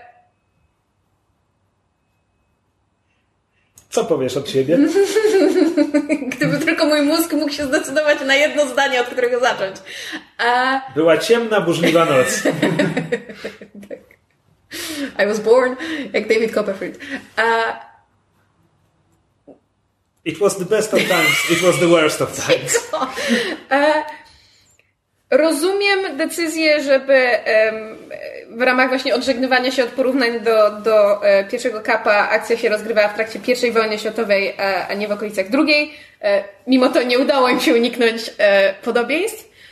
E, I jakby doceniam to, że, że e, Diana, prawda, e, odpływa z, z, z Temiskery e, razem, razem ze Steve'em, no bo chce, chce, chce pomóc, chce, chce zakończyć ten, ten, ten wielki konflikt wojenny i mamy pokazane e, oczyma Diany właśnie to, jak straszna jest wojna, a z drugiej strony jakby ja wiem, co oni próbowali zrobić, ale to chyba ty, Megu, u siebie w recenzji napisałeś, że jakby że nie doprowadzili tego do, do końca, że jakby widać, co próbowali zrobić, pokazując właśnie te jakby tragedię wojny i, i że wszyscy na tym cierpią, jakby nie tylko e, niewinnie postronnie, ale też ludzie, którzy są, są, są to aktywnie zaangażowani, ale jakoś to się tak I to jest związane z tym, jak oni rozegrali, jak oni niekonsekwentnie rozegrali postać ca- z- głównego złego. I znowu wracamy do tego głów- głównego złego. A Nie ja- chciałam do tego wracać. Dobra, bo jeśli mamy do niego wrócić w sekcji spoilerowej, to ja tyle raz chciałbym powiedzieć po cholerę robić film o pierwszej wojnie światowej, skoro i tak sprowadza się go do tego, że są dobrzy alianci, którzy strzelają do złych Niemców. Jakby pierwszą wojnę światową pokazywać tak, jak zawsze pokazuje się drugą w kinie? To no znaczy, nie. dla mnie to. I tu, I tu cholera znowu niestety wracamy do tego głównego złego. To znaczy, tworzenie fabuły, w której główną motywacją Diany jest powstrzymać wielką wojnę w nadziei, że- w nadziei, że to jakby to będzie na zawsze, bo wystarczy tego jednego Big Bada zabić i to już jest koniec, jest dla widza durne, bo wiemy, że to jest pierwsza wojna światowa i jakby to nie ma, Wiesz to nie ma szansy i, i w ogóle... Tak, I tak scenarzyści jej pomagają, e, umieszczając akcję w listopadzie 1918 roku. No tak, ale właśnie to takie fakt, że i tu już w ogóle przeskakuję, bo fakt, że w samych finałowych scenach, e, bo jakby film się otwiera w teraźniejszości i kończy w teraźniejszości. Znaczy jest jakby taką klamrą. E, I fakt, że w tych, w tych, e, w, w- tym finale w teraźniejszości, gdzie słyszymy głos Diany Zaofu, który jakby podsumowuje to, czego ona się nauczyła w międzyczasie, Fakt, że w ogóle nie uwzględniono II wojny światowej. Mnie tak strasznie wkurza, bo jakby cały, cały sens tego pierwszego filmu to jest to, żeby, żeby rozwiać te naiwne złudzenia pod tytułem wystarczy pokonać jednego Big Bada i wszystko się rozwiązuje. I ona przecież w tym filmie się dowiaduje, że to właśnie nie tak wygląda, że ludzie jakby są inherentnie, e, mają sobie inherentnie zło i od nich zależy to, co z tym złem e, zrobią i, i, i, jak będą działać. I fakt, że scenariusz w ogóle nie uwzględnił tego, że po tej pierwszej wojnie, w której ona brała czynny udział i nauczyła się pewnych rzeczy, w ogóle nie uwzględniono II wojny światowej. no Mnie be- strasznie wkurza. Będzie, ale może będzie to jest- sequel, tak? W, Widzisz- WW2. Może, Jeżeli tego nie zrobią, o Chryste. ale może to właśnie jest ta straszna trauma, która ona potem przeżyje, żeby stać się tą zgorzkniałą i poważną kobietą, którą myśmy widzieli w, y, w Batman v Superman, bo dla mnie to jest ogromny, ogromna przepaść. No to jest pomiędzy- 80 lat, nie? Tak, no ale fi- ten film jak dla mnie nie pokazuje mi tej przemiany, którą ona powinna była przejść na ekranie, żebym ja w nią uwierzyła, którą reprezentuje sobą ta postać, ja wiem, że y, w Batman v Superman. A wiesz, wiesz, ja ci powiem, że ja bym chciał zobaczyć tutaj Redcon. Ja nie chcę, żeby ona się zmieniła w tą postać, którą ona była w Batman v Ja Superman. Ja bym chciał, żeby kiedy ona znowu pojawi się w kolejnym swoim filmie, żeby ona wciąż była tą Tak, Kerber miłości, no. sympatyczną, optymistyczną, może już nie tak naiwną, ale w dalszym ciągu radosną postacią. Znaczy, ja nie, ja nie mówię, że nie, po prostu y, razi mnie ta straszna niespójność pomiędzy postacią wykreowaną w jednym, a w drugim filmie. Jeżeli ona Ale właśnie- miałaby być, może, może teraz DC się nauczy, że jej bohaterowie mogą się uśmiechać i mogą być radośni po tym filmie. miała chociaż właśnie w tym, w tym finale w teraźniejszości, kiedy słyszymy głos Diany Zaofu, który podsumowuje nam całe jakby, wszystko co właśnie zobaczyliśmy, jedną linijkę pod tytułem e, na zasadzie, ale to nie była jedyna wojna. E, Cokolwiek, jakikolwiek sygnał pod tytułem, że jest coś więcej, że właśnie te 80 lat to nie będzie pod tytułem przeskakujemy i teraz jesteśmy już w czasach Batman v Superman, Diana zgorzkniała i potem idziemy stamtąd, tylko żeby był jakiś sygnał, że słuchajcie, tam jest coś więcej i jeżeli nam dadzą pieniądze i możliwość, to chcemy to dalej opowiedzieć, cokolwiek. Ja będę tutaj trochę wredna, ale mnie się wydaje, że napisali to w taki, a nie inny sposób. Nie celowo, ale oni się po prostu tym nie przejmowali, bo wiedzieli, że ich film nakręcony z amerykańskiego punktu widzenia dla tych ludzi nie ma znaczenia, czy to jest pierwsza, czy druga wojna światowa. To był jakiś konflikt, gdzieś tam daleko. Prawie 100 lat temu. Więc amerykański widz to tak właściwie chyba nie widzi różnicy pomiędzy pierwszą a drugą wojną światową. My, z po- z punktu widzenia Europy, dla nas to jest zupełnie inna perspektywa. Znaczy, nie no, dla Amerykanów druga wojna światowa jest bardzo ważna. To, No jest, to jest... gorsza. Oni więcej wycierpieli w tej drugiej wojnie światowej niż pierwszej, na pewno. No plus druga to jest, to jest ten jeden raz, kiedy ich inne państwo zaatakowało w XX wieku. No tak. No ale no to jest takie. Znaczy, to jest po prostu takie olewanie tematu. Ale tak, bo jakby chcieli powiedzieć coś o wojnie, o tragedii, traumie, PTSD, bo mamy też wątek jednej z pobocznych postaci, który jest jakby zaczęty Mamy i urwany. I Tak. gdyby to było Band of Brothers, to mielibyśmy całe po prostu trzy odcinki temu poświęcone, czy cokolwiek, albo jakiekolwiek inne dzieło rzeczywiście e, wojenne. Natomiast mam wrażenie, że tak wiele e, elementów związanych z całym tym dużym takim wojennym arkiem czy sztafarzem, jakby tego nie nazwać, jest zaczynanych i niekończonych, że mnie to strasznie, że tak powiem, denerwuje, bo, bo gdyby było tego więcej, albo gdyby pewne rzeczy były pokończone, gdyby to było zrobione inaczej, to to by bardzo ten film jakby podniosło jego jakość, bo to nawet nie chodziło o uratowało, tutaj robię królicze uszy, tylko jakby podniosłoby jego poziom, sprawiłoby, że oprócz tego, że właśnie jest to pierwszy film superbohaterski z, z kobietą w roli głównej, Nie pierwszy. Okej, Boże, nowożytny, pierwszy DC. nowych ni- uniwersach, odpieprzcie się od tego dowalania się, że to nie jest pier... odpieprzy się od Catwoman i od Elektry. Były próby, no. No dobrze, Supergirl ale miała film. chodzi nam o te nowożytne uniwersa, na które się teraz wszystkie Supergirl studia biją. film. W latach miała. 70. Macie. Nie no, ale No miała, no. Takie były, no bo to fakty. jest takie po prostu zamiatanie pod dywan czegoś, co było. Ale przecież wiadomo, no że to jest skrót myślowy pod tytułem chodzi o nowy superhero universe, który mamy od tamtych tam ilu 12, 15 lat i do tej Gdzie? Iron Man jest z 2008. 10, no to 10 Albo siódmego. niecałych. E, natomiast to, co mi się bardzo podobało i e, że tak powiem, e, ludzie mnie mogą przekonywać, że nie mam racji, ale ja zdanie nie zmienię, to znaczy ja bym, ja bym, ja, ja jestem skłonna e, em, że tak powiem się założyć, że gdyby zrobili cały film tylko o Temiskerze, to on by był o wiele lepszy. Tak, bo właśnie. wszystkie sceny na Temiskerze były fantastyczne i ja bym po prostu mogła cały film obejrzeć tylko i wyłącznie o tym, jak Amazonki żyją na Temiskerze, bo po prostu tam jest tyle potencjału na to, żeby pokazać, jak to społeczeństwo działa, co ono robiło przez ten czas, jakie są relacje tych wszystkich kobiet. W ogóle jest, jest tyle różnych smaczków, które nam film rzuca na zasadzie takich kąsków pod tytułem no tak, wszystkie Amazonki znają wszystkie języki, E, bo Amazonki to są tam e, stworzone przez bogów, żeby doprowadzić ludzkość do, do, do dobra i światłości. E, No tak, wiemy wszystko o, o, o seksie. No jakby takie drobne elementy, po których ja tylko miałam, Jezus Maria, powiedzcie mi więcej. I nie, bo ona z tej temiskery wyjeżdża, w związku z tym potem mamy Band of Brothers The Female Edition, które do niczego nie doprowadza, a potem ten durny finał i jest takie... Nie o tym ten film powinien być, moim zdaniem. No, więc Wonder Woman to jest film o Dianie, księżniczce Amazonek, która wyrusza na pierwszą wojnę światową. Naprawdę? nigdzie nie powiedzieliśmy nawet o czym ten film jest, co tam się dzieje. Zaczęliśmy od ale finału. myślisz, ja że rozumiem, że kto większość nas słucha? Ja rozumiem, że większość naszych słuchaczy ma, tylko że zaczęliśmy po prostu od finału, a teraz wracamy na tę miskerę i jeśli ktoś nie wie, też nie zna Wonder Woman, to kompletnie nie wie, o czymśmy mówili przez ostatnie 20 minut. Ale jeżeli wytrwali do tego czasu, no to pogratulować. Jesteście dzielni. Biedny, sfrustrowany Kamil. Rozpieprzyliśmy cały format. No tak, no i film zasadniczo można podzielić na kilka segmentów, tak? Mamy początek na Temiskirze, gdzie poznajemy Dianę jeszcze jako małą dziewczynkę, potem oczywiście świat zewnętrzny wchodzi na Temiskirę i wyrywa przynajmniej jedną Amazonkę z letargu i sprawia, że Amazonka chce ruszyć w świat. Razem z Chrisem Pine'em, potem mamy Amazonkę i Chrisa Pine'a w Londynie. Początek, począł, który... Znaczy, ale to jest w ogóle te, też wątek, który tak trochę do niczego nie prowadzi, bo jakby... Bo jest, Który? e, Znaczy, bo mowa jest o tym, że Amazonki są, mają właśnie chronić ludzkość, że jakby mają...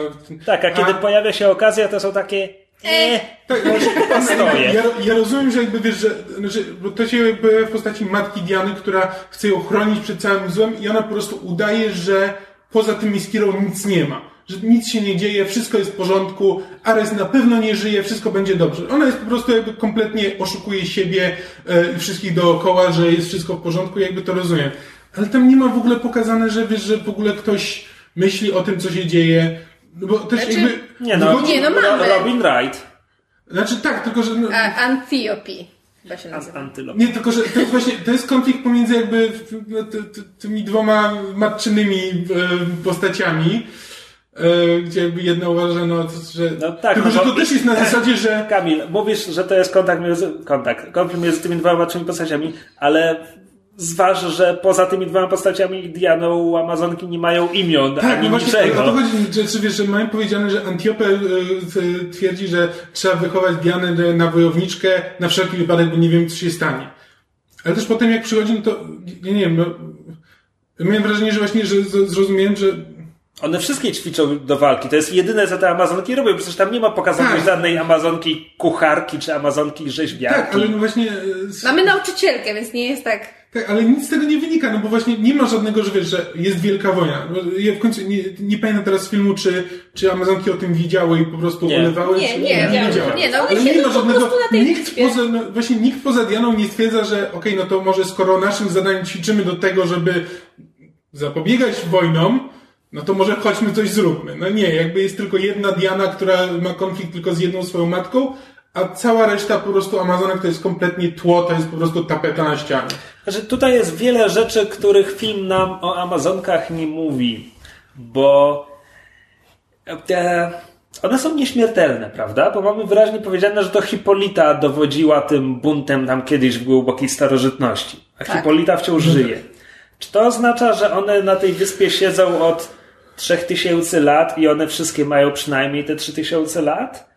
Chyba tak, ale ile Znaczy lat jest ma Diana? powiedziane, że Diana jest jedynym dzieckiem na wyspie, więc... To znaczy, tak Ale czy to w znaczy, ale czy to znaczy, że. Diana ma w 1918 roku 18 lat? No nie, to nie jest powiedziane, ale nie wiem, czy to Znaczy, jest... nie jest powiedziane, jak czas działa na No Temiskerze w właśnie, ogóle. Może, może działać zupełnie Nie, bo, inaczej. bo ja się po prostu zastanawiam, no bo mamy to społeczeństwo, które tam sobie żyje 3000 lat i jest w kompletnej stazie. Tam się nic nie zmienia, tam nie rodzą się nowe Amazonki najwyraźniej. Aczkolwiek jest mowa o tym, że wiedzą, że mężczyźni są potrzebni do rozmnażania. Ja nie ogarniam tych Amazonek. To Właśnie, znaczy, e, dają nam kolej, kolejna rzecz, Szczególnie, że film tego też nie ogarnia, bo jakby jak na początku on jakby film nam pokazuje jakby umiejętności Diany jeszcze na, jakby na wyspie. Gdy, ja też nie wiem, czy ona je odkrywa, Kiedy ona się wspina na tę wieżę, to wygląda tak, jakby ona w tym momencie dopiero zorientowała, że jest super silna. tak, ale jakby- też, ale też zanim w ogóle się zacznie wspinać na tą wyspę, to jakby tak patrzy i, e, nie na wyspę, tylko na wieżę, tylko patrzy na o, Odległość. odległość i nagle decyduje, że tam skoczy. Ale to też tak miałem wrażenie, że ona nie wiedziała, że może skakać na wielkie odległości? Właśnie- nie, nie wiem. Ja, ja średnio znam komiksy o Wonder Woman, znam za to animacje i mi się wydaje, że w animacjach to, to wszystkie Amazonki mają moce i Diana nie jest jakimś tam super cudownym kwiatuszkiem, ale jest nim ewidentnie w tym filmie. Też może, bo może wrócimy do tego w sekcji spoilerowej, bo tu chciałem coś powiedzieć, też coś na propos tego, ale nie, dobra, Dobrze. no, kontynuujmy dalej. Drugi, bo- drugi bo- akt Diana i Steve y, w Londynie, zawiązanie większej intrygi. Eee, bez No, przesady, ale, ale, ale, ale w drugim Tak. akcie poznajemy obsadę drugoplanową, tak? Tak. Bo tam poznajemy Ettę, tam poznajemy Sekretarkę kabaret Steve'a. etniczny. Tak, kabaret etniczny. Poznajemy background w postaci lożych, starych, białych ludzi, którzy, e, że tak powiem, kontrolują działania wojenne, bo that's how the world Tak, works. no i potem, i potem oni ruszają na, na front Znaczy, zachodni. jakby ten, ten kabaret etniczny to jest niemal do, dokładnie jakby przepisanie Howling Commandos No z, tak. e, z pierwszego kapa. Ale oni też tam byli tylko- tacy, taką mieszanką rasową? Nie, to znaczy tam, te, tam nie, tam byli mieszanką narodowości, ale wszyscy byli chyba biali. Nie, E, był jeden, był jeden e, Afroamerykanin w. Commandos. E, no ale, ale jakby po prostu, ale, ale to jest taki, niby, niby film nam próbuje pokazać jakby każdego z osobna i że każdy z nich ma tam inne, e, inne demony, z którymi walczy i trochę inną osobowość, ale zlewają się kompletnie To w jedno, znaczy, znaczy nie, nie, no, wykorzystuje nie- tego. No. Ale to jest Mój główny problem- o nich powiedziane. Mój główny problem jest taki, że oni są wpisani do tego filmu i nie dostają od scenariusza nic do roboty. Tak, jakby nie odgrywają żadnej roli. Właśnie- Każdy ma jakiś tam, można jego osobowość czy, czy historię podsumować jednym zdaniem. Jedną cechę charakteru, jedną umiejętność mają Ale i to jest na tym nawet, się kończy. ale nawet te umiejętności są, Są dość idiotyczne. Mamy niewykorzystane, powiedziane, no. że oni mają te umiejętności i nic się z tym nie Tak. dzieje. Że nie Już tak, jeden jest, jeden jest um, No jest, aktorem jest, i jest się potrafi scena, wcielać w jest każdego scena, i gdzie okej. Samir tam gra szofera. Tak, Wow. ale jest to jedno na cały film. Mamy powiedziane, że e, Szkot jest, Szkot jest super strzelcem. czego nie widzimy nigdy. Nie, bo, bo jest wątek PTSD, który, Który nie się jest rozegrany, tak? niczego. I mamy wodza, Mamy Indianina, który który, jest jest przemytnikiem, Indianinem. tak? I, i, I raz puszcza sygnały dymne, because that's what Indians fucking do. No po prostu, wow. Nawet nie zwróciłem na to uwagi. zwróciłeś na to uwagi, seriously? Ja się tak strasznie złapałam za głowę, jak to zobaczyłam. Rola wodza się sprowadza do tego, że sygnały dymne, w tak. momencie. I znalazł samochód, bo był zaparkowany na parkingu nieopodal. Wow, super tropiciel, No tak, nie? no i jakby i kiedy są na froncie zachodnim, to jest ten jeden moment bardzo bohaterski, kiedy Diana odkrywa swe przeznaczenie i... No tak, jakby to jest trz- trzeci akt, to jest akcja na froncie No i- i... potem jest finał, no. No nie, to ja właśnie chciałem powiedzieć, że jakby ta kulminacja na froncie, kiedy Diana wyskakuje z okopu, że to jest nie, koniec to- drugiego aktu i potem trzeci akt. A, w ten sposób. To jest Finał. bardzo Okej. śmieszna scena, bo z jednej strony ona jest naprawdę taka podniosła i rzeczywiście sobie myślisz, wow, jaka fajna ta Diana. I ona tak biegnie i potem zaczyna odbijać bransoletami te kule i ty wtedy zauważasz, że, CGI jest do dupy. A potem zaczyna się zasłaniać tarczą i yy, CKM się jej nie ima, podczas gdy na wyspie widzieliśmy, że Amazonki mogą oberwać kulą i giną od tej kuli, a ona tutaj ma taką małą tarczę, tak no śre- średnicy powiedzmy yy, 70 centymetrów i Bo ludzie Bo- są głupi i nigdy nie Nie, nie. strzelają w nogi. No właśnie, Niemcy obejrzeli Kapitana Amerykę i wiedzą, że mają celować w środek tarczy. Aha. Bo, to jest takie głupie, to jest takie- Nie, wiesz co jest głupie? To jest głupie. To, co jest głupie, to, że masz cały okop Niemców, którzy dają się nabrać na wstrz- wszyscy strzelamy w jeden konkretny cel. No Plus, come on! plus, my mamy powiedziane, że miecz jest magiczny. Nigdy nie było mówione, że ta cholerna tarcza jest magiczna. Diana ma tarczę Kapitana Ameryki, ona jest niezniszczalna najwyraźniej, bo powody. Ale to tak, akurat po prostu założyłem, że ta tarcza jest ten magiczna, jakby nie... Znaczy, tarcza, tarcza, miecz i lasso wszystkie są z tego ich super skarbca, więc zakładam, że super skarbcu są super też rzeczy. Są, te, no też są nagle ten e, magiczne. Znaczy ja mam wrażenie, że bransolety są akurat magiczne przez Znaczy, moc Diany. W sensie jakby to nie jest inherentnie ja, ja ich nawet, część. nie, ja nawet nie wiem, co ten film próbuje mi o nich powiedzieć. Czy ona je ma od urodzenia i z nimi rosła, bo jako mała dziewczynka też je miała. Znaczy miała jakieś na, na ramię. No właśnie nie wiem, może to te same. Może to są jej ręce, może ona jest jak Hellboy. Może I to czy jest ona prostu- zawsze tak wybucha, jak, jak, jak je skrzyżuje? A Absolutnie nigdy, tańczy. tylko w filmie. No to no dobrze, no to, to no właśnie to jest takie głupie, Tak, no, ale jeżeli to- to albo się przebierałeś Do, do i tego bym chciał też wrócić w sekcji spoilerowej, bo to potem wraca w finale, ale to już ten. E, Dobrze, to- Tylko, że, ale to jakby już bez, jeszcze, jeszcze bez spoilerowo, finał jest zły. Jest bardzo, bardzo No zły. film, Jest- jest- jest- ten film. Tak pod każdym względem, znaczy pod kątem jakby Źle efekciarstwa, napisany, źle wygląda. Tak, tego, co, jaką funkcję spełnia w historii, jak się zaczyna kompletnie znikąd. Jakby wszystko jest po prostu źle. Jakby ja bardzo lubiłem ten film właśnie przez pierwsze dwa akty, on mi się bardzo podobał. E, tylko, że po prostu finał kompletnie nie wykorzystuje potencjału, który. Jakby Znaczy, no, ten film finał to jest Batman i Superman. mógłby być dobry, mógłby, mógłby być czymś więcej niż tym właśnie przeciętniakiem, na co się wszyscy zgadzamy, że to jest przeciętny film, że jakby na poziomie e, części filmów Marvela. E, Lepszy od niektórych. Lepszy od niektórych, tak, zdecydowanie. On mi, się, on mi się wciąż jakby bardzo podobał i e, na pewno jest lepszy od pierwszego kapa. Wiem, że mysz się ze mną nie zgadza. Nie, to, to nie jest tak, że... Ja się zgadzam, bo Cap ma ogromny problem z napięciem. W sensie druga Tak, połowa filmu tak. nie ma. Znaczy, nie- Kap kompletnie ale- strukturalnie leży. i, e, Jakby ja nie twierdzę, że, że pierwszy kap jest lepszy od Wonder Woman, natomiast ja jakby ja retroaktywnie zaczęłam pierwszego kapa lubić o wiele bardziej jakby pod wpływem późniejszych filmów, więc jakby ja wiem, że ja mam na niego zaburzone spojrzenie. Ja nie twierdzę, że obiektywnie on jest lepszy. Tak, no tylko, że po prostu film buduje bardzo wiele fajnych wątków, które właśnie tak jak wspominałem wcześniej, mogłyby być nawet, mogłyby sprawić, że ten film byłby rewolucyjny, że mógłby po prostu zupełnie obrócić jakby spojrzenie na, na, e, na to, kim jest superbohater i jaką ma rolę i, Uf, i już jak myślałem, na że powiesz na pierwszą wojnę światową. E, Nie, nie, po prostu na jakby na takie schematy, schematy znane z filmów superbohaterskich. Miał bardzo dobre podłoże, żeby je e, odwrócić. Ale tego kompletnie nie robi, jakby kompletnie zapomina o tym, o czym jest i później jak już jest, jak już mamy morał, który w dodatku jest nam wyjaśniany przez Dianę z OFU, co jest też kompletnie jakby bezsensownym, to jakby nie ma się to, nie ma to nic wspólnego z tym, co widzieliśmy w tym filmie do tej pory. Znaczy, skoro już i tak e, porównywałeś z filmami Marvela, to ja bym powiedział, że ja wolę Wonder Woman zarówno od pierwszego Kapa, jak i od pierwszego Tora, a to są te dwa filmy, które Wonder Woman najbardziej mi przypomina. Moim Znaczy, zdaniem ja- jest lepszy od nich Ja obu. mam wrażenie, ja też mam wrażenie, że jest lepszy od pierwszego Tora, tylko że pierwszego Tora nie widziałem tak dawno, że e, to jest tylko jakby e, em, moje wrażenie, ale nie jestem w stanie go poprzeć argumentami. No dobrze.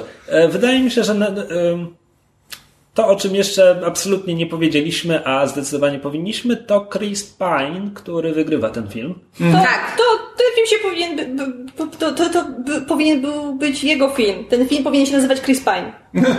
Tagline jest zajebisty. Nie no, okej, już, Nie, już raz kobieta dostała film.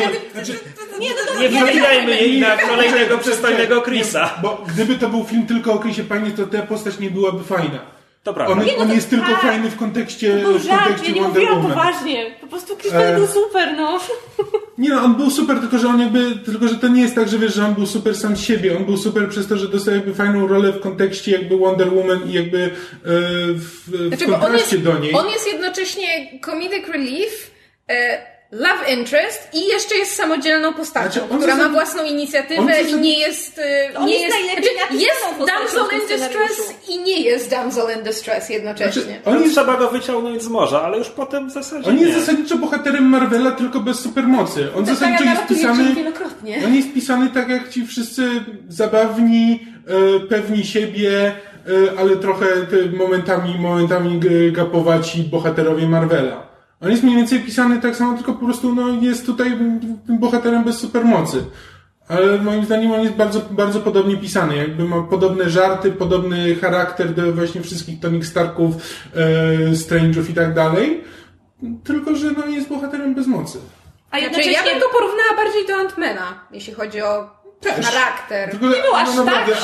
Tony, Nie, ale Strange, nie, tak nie o to mi chodzi, tylko wiesz, jednak Iron Man i Strange to są zadufane w sobie bubki. Steve Trevor taki nie jest. No tak. On jest jakby, to jest właśnie to, co ja bardzo doceniałam, oprócz tego, jak Chris Pine grał Steve'a Trevora, to jest to, jaką Steve Trevor spełnia funkcję w filmie. Znaczy, że on jest jednocześnie posta- postacią, która ma, e, że tak powiem, własną, własną inicjatywę, ma swój charakter, ma swoje zadania wyko- do, do, do wykonania i jednocześnie może być comedic relief, damsel in distress, wiedzieć, jakie ma umiejętności i umieć je wykorzystać, a z drugiej strony w momentach, kiedy, kiedy widzi, że Diana, Diana has got this, to bez żadnego w ogóle słowa zająknięcia się, się jakby, znaczy nawet nie tyle wycofuje, tylko daje jej robić swoje i idzie z kolei robić swoje. To znaczy, na przykład scena właśnie, kiedy, kiedy, kiedy mamy em, walki, to też jak to jest nakręcone, że na zasadzie są momenty, kiedy Diana się odwraca i widzi, że Steve za nią, prawda, tam zdejmuje ludzi, żeby, znaczy w sensie zestrzeliwuje ludzi, żeby, żeby chronić jej tyły.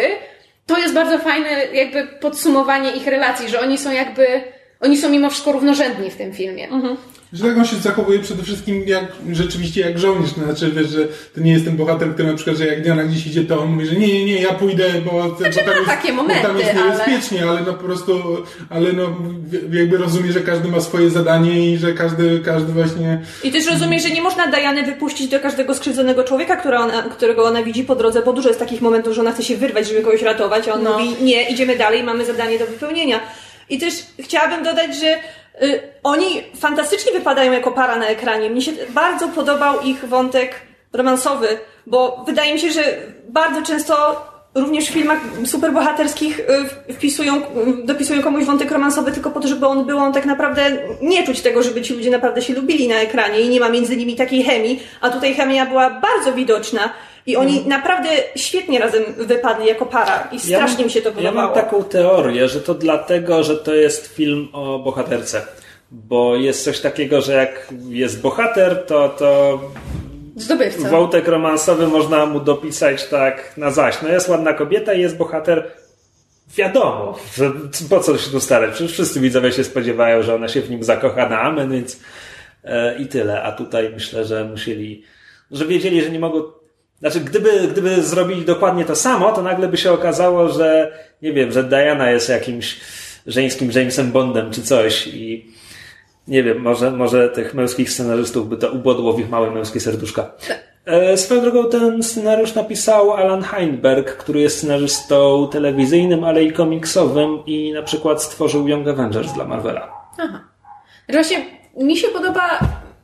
Mam, mam sporo problemów z tym, jak ten film jest napisany, także pod względem dialogów, natomiast to, co bardzo doceniam i mam wrażenie, że to był też em, czynny wkład Patty Jenkins, czyli reżyserki, to było jakby to, że pewne sceny, zwłaszcza sceny ważne z punktu widzenia właśnie budowania relacji albo emocji bohaterów, miały czas wybrzmieć. Czyli na przykład fakt, że ta właśnie sekwencja, kiedy, kiedy Diana chce pomóc każdej napotkanej osobie, a Steve ją cały czas musi jak tego, prawda, pieska po prostu nakierowywać pod tytułem nie, nie, nie, słuchaj Diana, my mamy bardzo konkretną rzecz, którą musimy zrobić, każdemu nie pomożesz. Albo na przykład scena, kiedy, kiedy jest wiele takich scen, kiedy Steve i Diana po prostu rozmawiają. Czy to mamy scenę tańca w śniegu, czy mamy wcześniej scenę, kiedy płyną łódką z Temiskery, czy jakby jest wiele takich momentów, kiedy to są postaci, które po prostu ze sobą rozmawiają i zaczynają się poznawać, zaczynają się szanować, zaczynają się autentycznie lubić, zaczynają na sobie zależeć. Sam fakt, że ten film ma takie momenty, już bardzo dużo daje, bo właśnie wtedy ten wątek romantyczny nie jest nagle znikąd pod tytułem, no oczywiście, że te postacie muszą być razem, bo tak, tak działa schemat filmu, tylko autentycznie wierzymy, że one spędziły ze sobą na tyle dużo czasu i mają na tyle dużo wspólnego pod pewnymi względami, że, że, że to jest legitne, że, że jestem w stanie w to uwierzyć. I też mam wrażenie, że jakby zgodziliśmy się, że jest lepszy od pierwszego kapa, że być może jest lepszy od y, Tora. E, ja nawet byłem gotów, on, on, mógłby, on mógłby mieć szansę być lepszy od e, Strange'a i od, e, od Ant-Mana na przykład. Jak dla mnie jest ciekawszy od nich obu. jest ciekawszy, tylko że po prostu, tylko że ma ten problem, że e, Strange jest taki sobie na przykład, jest taki sobie na początku i ma fajny finał, a, ty, a tutaj masz to odwrócono, Odwrotnie. tak, odwrotnie, że jakby film sporo buduje, a potem wszystko, wszystko kompletnie niszczy, więc wychodzisz z kina z takim wrażeniem, że Eee. a cholera, no. No, mogło być, mogło być dużo lepiej. Jakby po prostu cię zawodzi, zawodzi twoje oczekiwania, podczas gdy jakby e, Ant-Man i Strange zaczynają z dość niskiego pułapu, że wydaje ci się, że ten film cię będzie wkurzał, albo że e, nie, nie lubisz postaci i są, wiesz, są błędy, ale potem, potem dochodzi do czegoś fajnego jakby e, i się fajnie kończy i przynajmniej jakby zostawia cię na tej wysokiej nucie, a nie, a nie na tej niskiej. E, I to jest, to jest też trochę, moim zdaniem, jakby największy problem z, nie wiem czy z filmem, ale z postrzeganiem tego filmu przede Do, wszystkim. w, moim, w moim przypadku jeszcze jeden ogromny problem tego filmu to jest coś, co właściwie mnie się nie zdarza, ale tutaj mnie okropnie przeszkadzało to, jak on jest zrobiony wizualnie i jakie wpadki tutaj twórcy popełniają, bo to już to, o czym wspomnieliśmy, efekty komputerowe w niektórych momentach wyglądają okropnie. I, Znaczy, i, i na przykład w, na, w, w, w ujęciach na, na, na, na, temis, na, na temiscyrze, temis, Temiskerze. temiskerze są takie, je- jest y, na przykład scena, kiedy Diana jako mała dziewczynka skacze i widać za nią ten poruszający się ekran, bo, bo widać, że to, to, to, to, nie, to, to nie było na, nakręcone normalnie. Ma- Masz wrażenie, że się przeniosłeś w czasie o 50 lat w, y, wstecz, kiedy oni naprawdę udawali, że ktoś Projekcja skacze. wsteczna. Tak, że, że, y, że wyś- wyświetlali tło na ekranie za, za aktorem, a on się dziwnie ruszał po to, żeby wyglądało na to, żeby spada. To były takie ujęcia. Tak samo walki Amazonek na, na, na samym początku. Tam strasznie widać momenty, kiedy, kiedy ujęcie Aktorka trójwymiarowe... lub kaskaderka zostaje zastąpiona Tak. komputerowym modelem. To się, to, to się strasznie I to jest wybija. model, który wygląda źle, wygląda po prostu jak Keanu Reeves w drugim Znaczy, Madrycie. to są takie momenty, gdzie to trochę ten wideo, przynajmniej ja tak naprawdę nie miałem problemu z, Znaczy, e, ja z efektami. i Że- teraz się zaczynam czuć jak idiotka, bo ja tego w Naprawdę ogóle nie mnie to strasznie przeszkadzało. Tak samo Znaczy, okropny mi slow motion, co przeszkadzało jest tylko w finale. Ty, tylko, fin, tylko Znaczy, fatalne Boże. efekty. No, nie no, bo w finale to po prostu przeskakuje jeszcze kolejną poprzeczkę. Po prostu ta szarża wściekłej Diany w finale to jest scena, która we flaszu mogłaby się pojawić, bym nie mrugnął Tak. okiem. Rzeczywiście. E, Tak, no w każdym razie. Znaczy tak, tam są sceny, w których jakby zastępują, zastępują komputerowymi postaciami, ale to nie jest coś, co mnie, co mnie szczególnie e, irytuje, co, co szczególnie zauważam, bo no tak naprawdę Marvel też to robi. Znaczy jakby w Ant-Manie, kiedy jakby się e, sceny, są sceny małego, ma, małego Scotta, to też widać, że to jest po prostu komputerowa postać. I to akurat to jest Tak, tylko, często że- się pojawia, tylko, że- czasami lepiej, czasami gorzej Tylko, że mały Scott jest komputerowo i wchodzi komputerowy i wchodzi w interakcję z komputerowymi mrówkami i to wszystko jest po prostu komputerowa animacja. A tutaj jak mamy, nie wiem, belgijskie miasteczko i po nim skacze komputerowa gumowa Wonder Woman, a obok są prawdziwi statyści, no nie. Znaczy, to jakoś nie wiem, po Znaczy, prostu to, to co? mnie nie, Ja mam- zwróciłem na to uwagę parę razy, ale kompletnie mi to nie przeszkadzało, przepraszam. Nie, nie, nie, ja, bo, znaczy martwi mnie, że ja tego w ogóle nie zauważyłam, bo teraz mówię, czuję się jak, jak ciućmok, Nie, Natomiast- to, jest, to jest bardzo indywidualne co, odbieranie. to To jest chyba- trochę tak jak z tym, kto ma problem z Tarkinem w Rogue One, a kto nie. Jakby na Tak. pewnym poziomie to No, działa na sumie- niektórych nie, znaczy, ludzi. Bo, bo, właśnie tro, trochę do tego dążę, bo chciałam powiedzieć na przykład, że ja rzeczywiście slow-mo jest bardzo dużo i rozumiem, e, rozumiem e, opinię pod tytułem za dużo, natomiast dla mnie te, ja tego w ogóle nie traktowałam w ten sposób, bo jakby założyłam, że aha, to to jest taka decyzja, żeby w ten sposób pokazywać po prostu styl walki Amazonek, w tym Diany, w związku z tym będę się spodziewała tego dużo. Znaczy, ja jakby też nie mam, nie mam z tym problemu, no bo Wonder Woman jest na mniejszym budżecie trochę robiona niż, niż do tej pory e, filmy DC. Nie wiem, jak ona tam jest, wychodzi w porównaniu z Marvelem, bo nie pamiętam, jaki był ten budżet. Wiem, że po prostu miała e, dużo mniejszy niż dotychczasowe filmy DC. E, więc jakby też jakby jestem w stanie jej wybaczyć, że no, ponieważ padła ofiarą tego, że no film o bohaterce, więc e, nie ładujmy w niego dużo pieniędzy, bo to ryzyko, e, to, e, to jakby to jestem gotów jej wybaczyć właśnie tego typu, tego typu rzeczy. nie? Czy te z finałowej walki nie jestem w stanie, w, bo, bo jej przede wszystkim nie powinno tam być, a skoro już jest, to powinna wyglądać, to powinna rzeczywiście robić wielkie wrażenie, a po prostu a to jest walka na poziomie Flasha. To jest kupa. Tak. Plus kompletnie Kuba. nie ma na nią pomysłu. Tak. Czy w takim razie przechodzimy już do sekcji spoilerowej?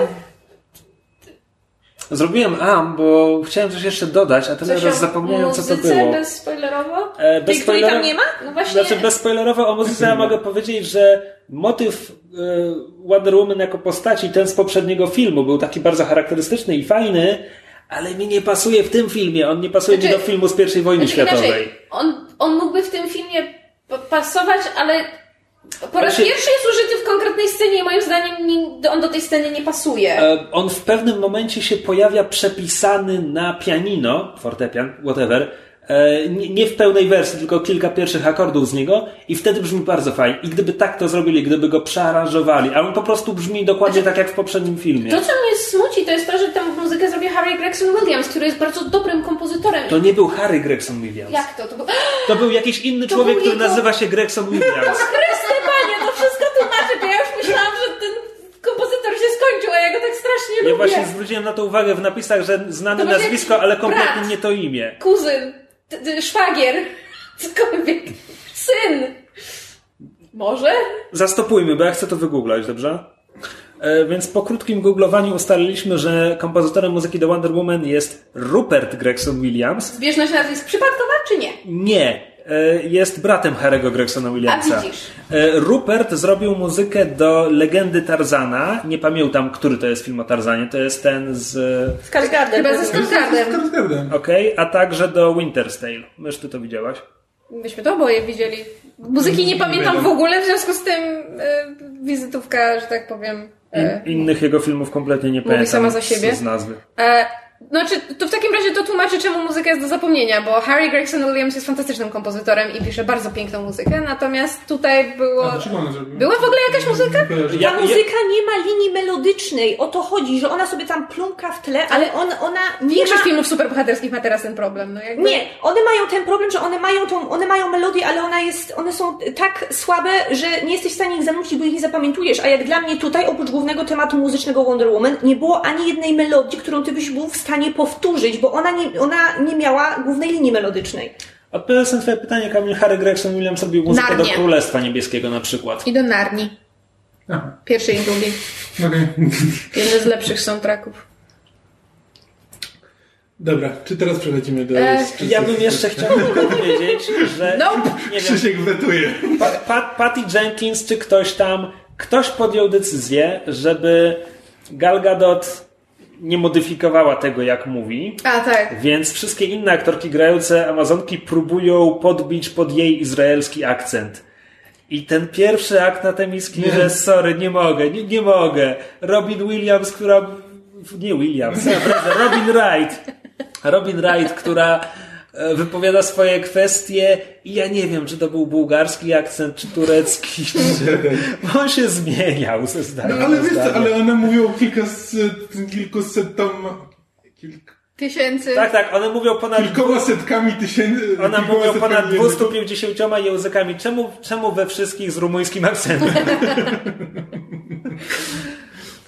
Ech, także tak, to było, to było zimne. Bo najwyraźniej łatwiej było zatrudnić kilku coachów, żeby siedzieli ze wszystkimi innymi aktorkami, niż zatrudnić jednego dla Gal Gadot, żeby się pozbyła akcentu. Ale właśnie i znowu wracamy do tego, jak film przedstawia te Amazonki, bo to są Amazonki, ale to nie są greckie Amazonki. To znaczy greccy bogowie je niby zrobili, ale, ale zapominamy o greckich bogach, Także bo tak naprawdę to są filmie. greccy bogowie, ale nie jesteśmy pewni, że oni są... Znaczy to są po prostu istoty, które służą za greckich bogów. Ale więc, Ale- więc mamy wyspę Temiskira, ale Amazonki są. Znaczy to, to jakby zupełnie mi nie przeszkadza, że, że jakby na rajskiej wyspie są e, kobiety wszystkich kolorów skóry i tak dalej. Spoko, jasne, tylko że że tak powiem, film wyprał te Amazonki z ich greckiego rodowodu, a nie dał im czegoś charakterystycznego w zamian, moim zdaniem. Ale właśnie no, to, to jest to, o czym ja w pewnym sensie, do czego się odniosłam na początku, jakby mówiąc, że mogłabym obejrzeć cały film, bo Że właśnie, bo... fi- film nam mówi, że te Amazonki mają kulturę, ale, Ale, nie, wiemy jaka jaką. jest. No właśnie, a ja bym chętnie, znaczy, mo, prawdopodobnie gdybyśmy zobaczyli więcej, to byśmy to spieprzyli, bo by było bardzo dużo niekonsekwencji i to by się wszystko rozsypało, ale jakby w tym wypadku to niepo, niedopowiedzenie sprawia, że, że raczej podsyca moją ciekawość niż, niż że uważam to za... em, znaczy może to było niedopatrzenie, ale zupełnie niechcący również podsyca moją ciekawość i uważam to za coś potencjalnie, co mogło być dobrego. Ja bym też bardzo chciał e, zobaczyć, gdzie Temiskira leży na mapie, bo Steve Trevor wpada tam uciekając samolocikiem z Turcji, co by sugerowało wschodnią część e, basenu Morza Śródziemnego A potem dopływają do Londynu w przeciągu paru w godzin. jedną noc łódeczką żaglową. Tak właśnie. Czy on tam wspomina, że, że ktoś ich poholował kawałek? But still, to Musieliby się, pod, spała. musieliby się podczepić pod jakąś wyjątkowo szybką Znaczy, motorówkę, żeby dotrzeć na czas. noc? To jest tak pokazane. No język filmowy, masz wieczór, cięcie, ranek. Język I filmowy on ci mówi, że, że złapaliśmy podwózkę, co nie Tak zmienia jakby faktu. chciał wytłumaczyć, jak szybko, dla- dlaczego tak szybko się Tak, tak no ale, znaleźli. no ale jakby to, to co, to Diana przespała cały ten czas? Oni po drodze już nie rozmawiali? Nie dostajemy ani nawet jednej sceny akurat- pod tytułem łowimy ryby, żeby się mieć czym wyżywić? No Aku, kurwa. akurat Concorde przelatywał i się załapali na podwózkę. Tak. To był niewidoczny Concorde, to z niego zrobił potem e, myśliwiec Wonder Woman w następnej Tak, części. oczywiście. Patty Jenkins powiedziała, że niewidoczny samolot się pojawi w następnym filmie. Bo ktoś stwierdził, że to jest ważny element kanonu Wonder Woman. Okej. Wonder Woman potrafi latać w większości wersji. Czemu ona potrzebuje samolotu? Właśnie. W tej wersji Dlaczego ona nie potrafi. lata? No jak nie lata? Skacze. Mi, mi się wydaje, że ten film to pokazuje tak, jakby ona tylko skakała No w wysoko. finale jest pokazane, ja że myślę, że Wciąż można interpretować To jako skok to by, tylko. To by było bardzo konsekwentne, bo Clark też na początku tylko skakał. I dopiero potem nauczył się latać. Gdzie? W Man of Steelu on się w trymiga uczy latać. Nie, ja mam wrażenie, że W Man of Steel on skacze Nie? parę razy i potem lata. W ramach jednej sceny. No a Diana w finale też wzlatuje, opada, wzlatuje, opada. Tam ta grawitacja się jej w ogóle nie ima. Tak że wygląda Diana się skok. długo Nie, ale w sensie jakby ona kontroluje to, w jakim tempie opada, co by sugerowało, że to nie jest to, że grawitacja ją ściąga. Znaczy, y, mówisz o samym finale, Tak. to kiedy wstaje nowy dzień i w ogóle ja też zwróciłem uwagę Nie, na tej scenie. wcześniej, w finale w em, konfrontacji. A, prawda. Ale to mogło być zwolnione tempo. Mm. To, to wie? mogło być slow-mo, widzicie? I dlatego slow-mo jest złe. Zaburzyło wam odbiór właśnie, sceny. bo e, slow-mo. Właśnie, ja wcale nie mam wrażenia, że slow-mo, to, że slow-mo w tym filmie jest źle wykorzystane. Ja mam wrażenie, że Tłumacz. sceny akcji mają bardzo fajną choreografię. Y, Amazonki mają fajny styl walki, one naprawdę mają choreografię w tym, co robią. To jak to, to, to szuranie po ziemi kolanami, jak strzelają z łuku i w ogóle i się obracają. To jest fajnie pomyślane. Tylko, że jest bardzo wiele scen, kiedy mamy niemalże stop klatkę z tego slow żebyśmy sobie popatrzyli, patrzcie, patrzcie jak ona się obraca. I cały impet tego ruchu ta stop klatka marnuje. Dla mnie sceny Nie, ja, walki... Nie, ja nie mam z wcale nie mam, problemu. ja, ja mam właśnie wrażenie, że to jest bardziej, że to jest bardziej slow-mo w stylu 300, gdzie ona jakby po prostu staje się częścią jakby rytmu tej walki i tylko podkreśla, tak, i jakby tylko zwalnia i przyspiesza, e, a nie, nie, nie takie slow-mo jak późniejsze wyczyny Snydera. No, E, no nie, no tutaj już jakby kolejna subiektywna kwestia dla mnie to rozwalało. Nie budowało tempo, tylko je rozwalało. Dobrze. No dobra, to, to już chyba teraz rzeczywiście. Ale jeszcze... Krzysztof. Dobra. Nie. Well, well, well. Dobra, to teraz, to teraz będą spoilery, więc e, żegnamy się z tymi, którzy jeszcze nie widzieli filmu i nie chcą nas dalej słuchać. Chyba, że I- chcą, to zapraszamy. No, to No teraz więc, przechodzimy. no więc ten film ma pana z Wołsem. Pana, Kurwa, Ivana Ja pierdolę. No ja nie mogę. Ale David, David. David Thewlis ma jakiegoś strasznego pecha do wąsów, bo w Harry Potterze ten jego, za przeproszeniem, zupełnie pedofilski wąsik też kompletnie psuje postać Lupina. Okej, okej, ale ten wąsik, nie wiem, ma jeszcze jakiś sens w, w kontekście tamtej postaci, którą Nie. jest w Harry Potterze, ale tutaj wstrętny, groźny bruk, Bóg wojny powinien... Bruk. Bruk, bruk, również mruk wojny. powinien wyglądać godnie, a tutaj Ares wygląda jak król taksówkarzy, cholerny aktor porno z lat 80. z Niemczech. To było niemieckie porno. No, no do jasnej cholery, czy nikt nie pomyślał, czy je, że jemu ten wąs nie będzie pasował w tych ostatnich Znaczy ja, scenach? audyt, znaczy, ja byłem przekonany, że znaczy, ja jakby od momentu, kiedy praktycznie ta postać się pojawia na ekranie, to ja się odwróciłem do myszy i Ares. powiedziałem, że to jest prawdopodobnie Ares. Ares, no bo- Głównie dlatego, że to jest jedyny, e, jedyny mężczyzna spośród wszystkich, który nie ma problemów z kobietą, jakby nie, spośród tego, tej loży e, białych mężczyzn, e, więc, a potem nie masz żadnej roli jakby dalej, więc e, jedyną rolę, jaką może mieć to, że, to, że jest, e, to, że się okazuje być tym złym. Poza tym jakby film, moim zdaniem jakby, ja byłem przekonany, że on jest tym złym, bo film musi się skończyć w takim momencie, w którym Diana jest tak zawiedziona ludzkością, że przez następne 80 lat nic nie robi i dlatego jakby następny film to jest dopiero Justice League. Ale ostatnia scena nam E, mówi, że wcale nie, że działała. Tak, ale właśnie, 180 właśnie o to chodzi, że Ale później czekaj, ona kończy bo tym, teraz, że... bo teraz porozmawiajmy sobie o logice tego złego. Bo jakby on Nam. im nie dał pieniędzy, to oni by nie pojechali do Belgii. Więc czemu on to zrobił? Znaczy w ogóle jakby... Znaczy nie no, bo ogóle jest teoretycznie, znaczy on się w ogóle pojawia tak, pojawia się znikąd, po prostu, bo czas na finał, Tak, to jest to, mówi, co że mi okej, najbardziej przeszkadza, że on się pojawia, bo, bo, bo musimy rozegrać finał. Ja autentycznie myślałam, że ten film się potoczy tak, że Diana zabija tego generała What's His Face, którego Ludendorff? Luden. Ludendorff i, i się jakby orientuje, że o, o jej zabiłam Aresa, to nic nie dało, ludzie są źli, whatever. Steve i reszta powstrzymuje samolot przy lub bezczynnej pomocy Diany, wracają do Londynu, ona tam odkrywa w jakiejś zupełnie kameralnej scenie, że, że, że ten Thewlis was Ares all along i że jakby, że w związku z tym jej działania jakby, że fakt, że ona się przekonała, że, że jakby w ludziach jest zło i Ares mimo to nadal żyje, ale to nie jest tylko i wyłącznie jego, jakby myślałam, że to będzie bardziej nabudowane i że jakby Gdyby to było tak, jak ty teraz właśnie powiedziałaś, to ta, ten wielki reveal z tym, że ludzie są tak naprawdę źli, hello, miałby czas, żeby wybrzmieć i rzeczywiście wpłynąć jakoś na jej zmianę Tak, i charakteru, potem, i potem mi wiesz, tu i- brakuje. I ona potem w Londynie, powiedzmy, przyjeżdża do Londynu, odkrywa, że Ares nadal istnieje i wtedy zostajemy z tak, my i Diana zostajemy z takim pytaniem na zasadzie, no to, no to w takim razie to czy, jeżeli ona zabije tego Aresa, bo tego nie zrobiła, no bo był kim, kimś innym, to czy w takim razie skończą się konflikty wojenne? Czy, czy jakby... Moim zdaniem something... To, to, co mówiłem w części bezspoilerowej. Ta historia nie działa w momencie, kiedy w filmie jest Ares.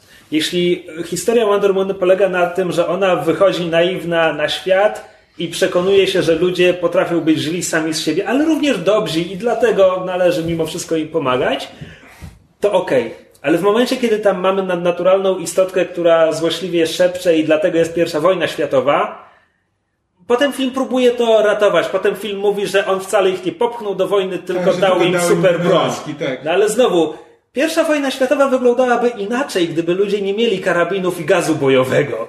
Więc ten Ares mi rozwala morał filmu. Sama jego obecność. Znaczy, tak naprawdę te, e, znaczy, poza tym jakby ten sam fakt, że to, że Ludendorff nie mógł być Aresem, jakby komunikuje fakt, że on ma to serum, które wdycha i mu daje, da, i mu daje supermoc. Gdyby był Aresem, to by go nie potrzebował. Co, ja w pewnym E, momencie autentycznie zacząłem się zastanawiać, czy nam nie powiedzą, że Ares jest w formie gazowej w tym filmie i on się sztaka Aresem. O kurna. Ej, ale ja wam teraz powiem, że ja się czuję strasznie głupia, bo ja jestem chyba jedyną osobą na całym świecie, która się nabrała na ten twist. Ja się w ogóle nie spodziewałam, że Ludendorff nie będzie Aresem, a to dlatego, że ja stwierdziłam, że DC jest tak głupie, że oni nie potrafią robić twistów, że oni Znaczy- pójdą po naj, najmniejszej linii oporu. Ale, Ale- ale Megu, ale ja cały film żywiłem się nadzieją, że Aresa nie będzie w tym filmie, więc... Okej, Ja przez moment liczyłam na to, że Dr. Poison okaże się Aresem, just to subvert the whole fucking, the, the main Ale, guy. ale, ale, ale, ale wtedy wpadasz w trop, że superbohaterka może walczyć tylko z Tak, ja kobietą. jakby, ja wiem, też mi to przyszło do głowy, ale był taki autentyczny moment, kiedy stwierdziłam, no dobra, no to to nie jest Ludendorff, więc zostaje...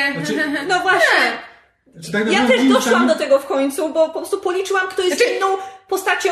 Znaczy, wiesz co, doszłaś, ważną. nie musiałaś długo czekać, bo on się zaraz pojawia zupełnie bez sensu. Ale przez te 5 sekund sama się domyśliłam, żeby nie było. Skoro, skoro krzyczymy na złych, ale ja bar- przepraszam, ja muszę poświęcić chwilę tej scenie, kiedy ten film zamienia się w kreskówkę. I Ludendorff i Dr. Poison Śmieją się, bo Evil Laugh To Trademark jest tak śmieją. durne! Jezus Maria, co, Co to ta scena robi w tym scena? Bo, filmie? ja chciałem jeszcze tylko do, do, tego, do tego o Aresie jakby ten, moim zdaniem też jeszcze ten film mógłby być, mógłby być tym, o czym mówią recenzje i tak dalej, gdyby e, Ludendorff rzeczywiście był Aresem, i Wonder Woman go rzeczywiście pokonała, I nic by to i nie dało. to, i to, i, i to byłby dopiero y, początek tam trzeciego aktu czy finału, tak, że nagle się, że ono pokonuje Aresa i się nic nie zmienia.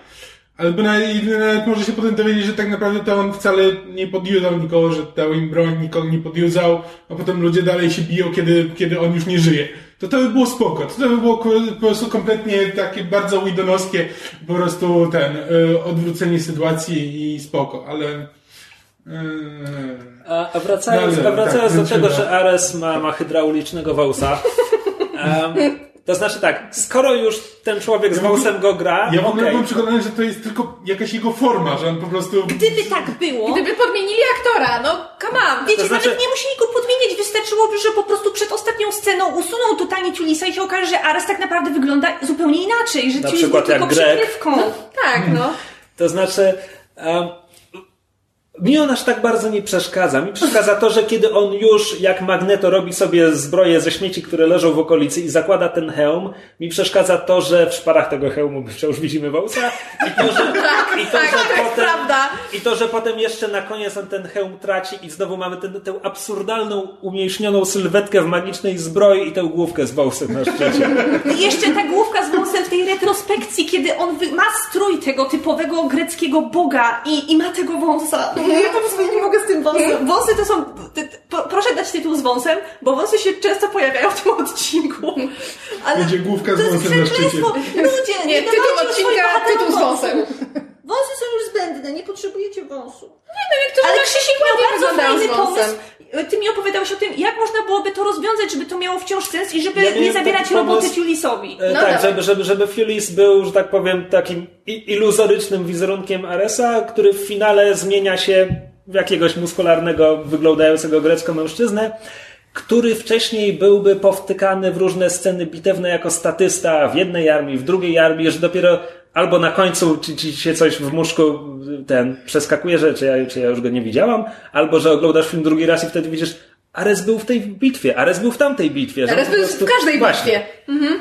That makes sense. I inny pomysł, który bym miał na przepisanie finału, bo na ten finał kompletnie nie ma pomysłu, bo Ares jest bogiem wojny, który wytapia sobie dziury w hełmie, więc ma jakieś moce związane z temperaturą i lawą, ale z tym, Właśnie, właśnie, ale to propos- gdzieś indziej ja, się nie ja mam pojawia. tutaj pomysł, że jeśli zostawiamy tutaj, jeśli zostawiamy cały, jakby nie próbujemy ratować tego, co ten finał znaczy w filmie i po prostu no jest, ale po prostu chcemy, żeby ten finał był, y, był ciekawszy jakby ten, lepiej to na przykład można by było zrobić scenę na początku, kiedy Ares walczy z Zeusem. Żebyśmy my i widzieli, żebyśmy jakie są zasady jego tak, mocy. jakie są zasady walki bogów. Ares ma moce jak Zeus, no on przykład- kontroluje pioruny. Kurwa, skąd? Tak, i Ares powinien mieć własne moce, a Diana powinna mieć moce jak Zeus potem na końcu. I jakby, żebyśmy przynajmniej widzieli, że ona teraz ma podobne moce do Zeusa i jakby robi podobne rzeczy, Bo on jest Zeus jej tatą, nie? I na przykład jakoś wykorzystuje to tylko robić z tego coś lepszego i ten. To jest, e, to jest jeden pomysł. Ja miałem inny pomysł, e, tylko że wtedy trzeba by jednak przepisać film bardziej w kierunku tego, że Ares wpływał na ludzi. Bo moim zdaniem on powinien być takim, wiesz, e, Glass Joe magiem jak w RPGach, że on tylko stoi z tyłu, ale wszyscy żołnierze dookoła rzucają się na Dianę i wykonują jego wolę i może na przykład też sprzymierzeńcy Diany.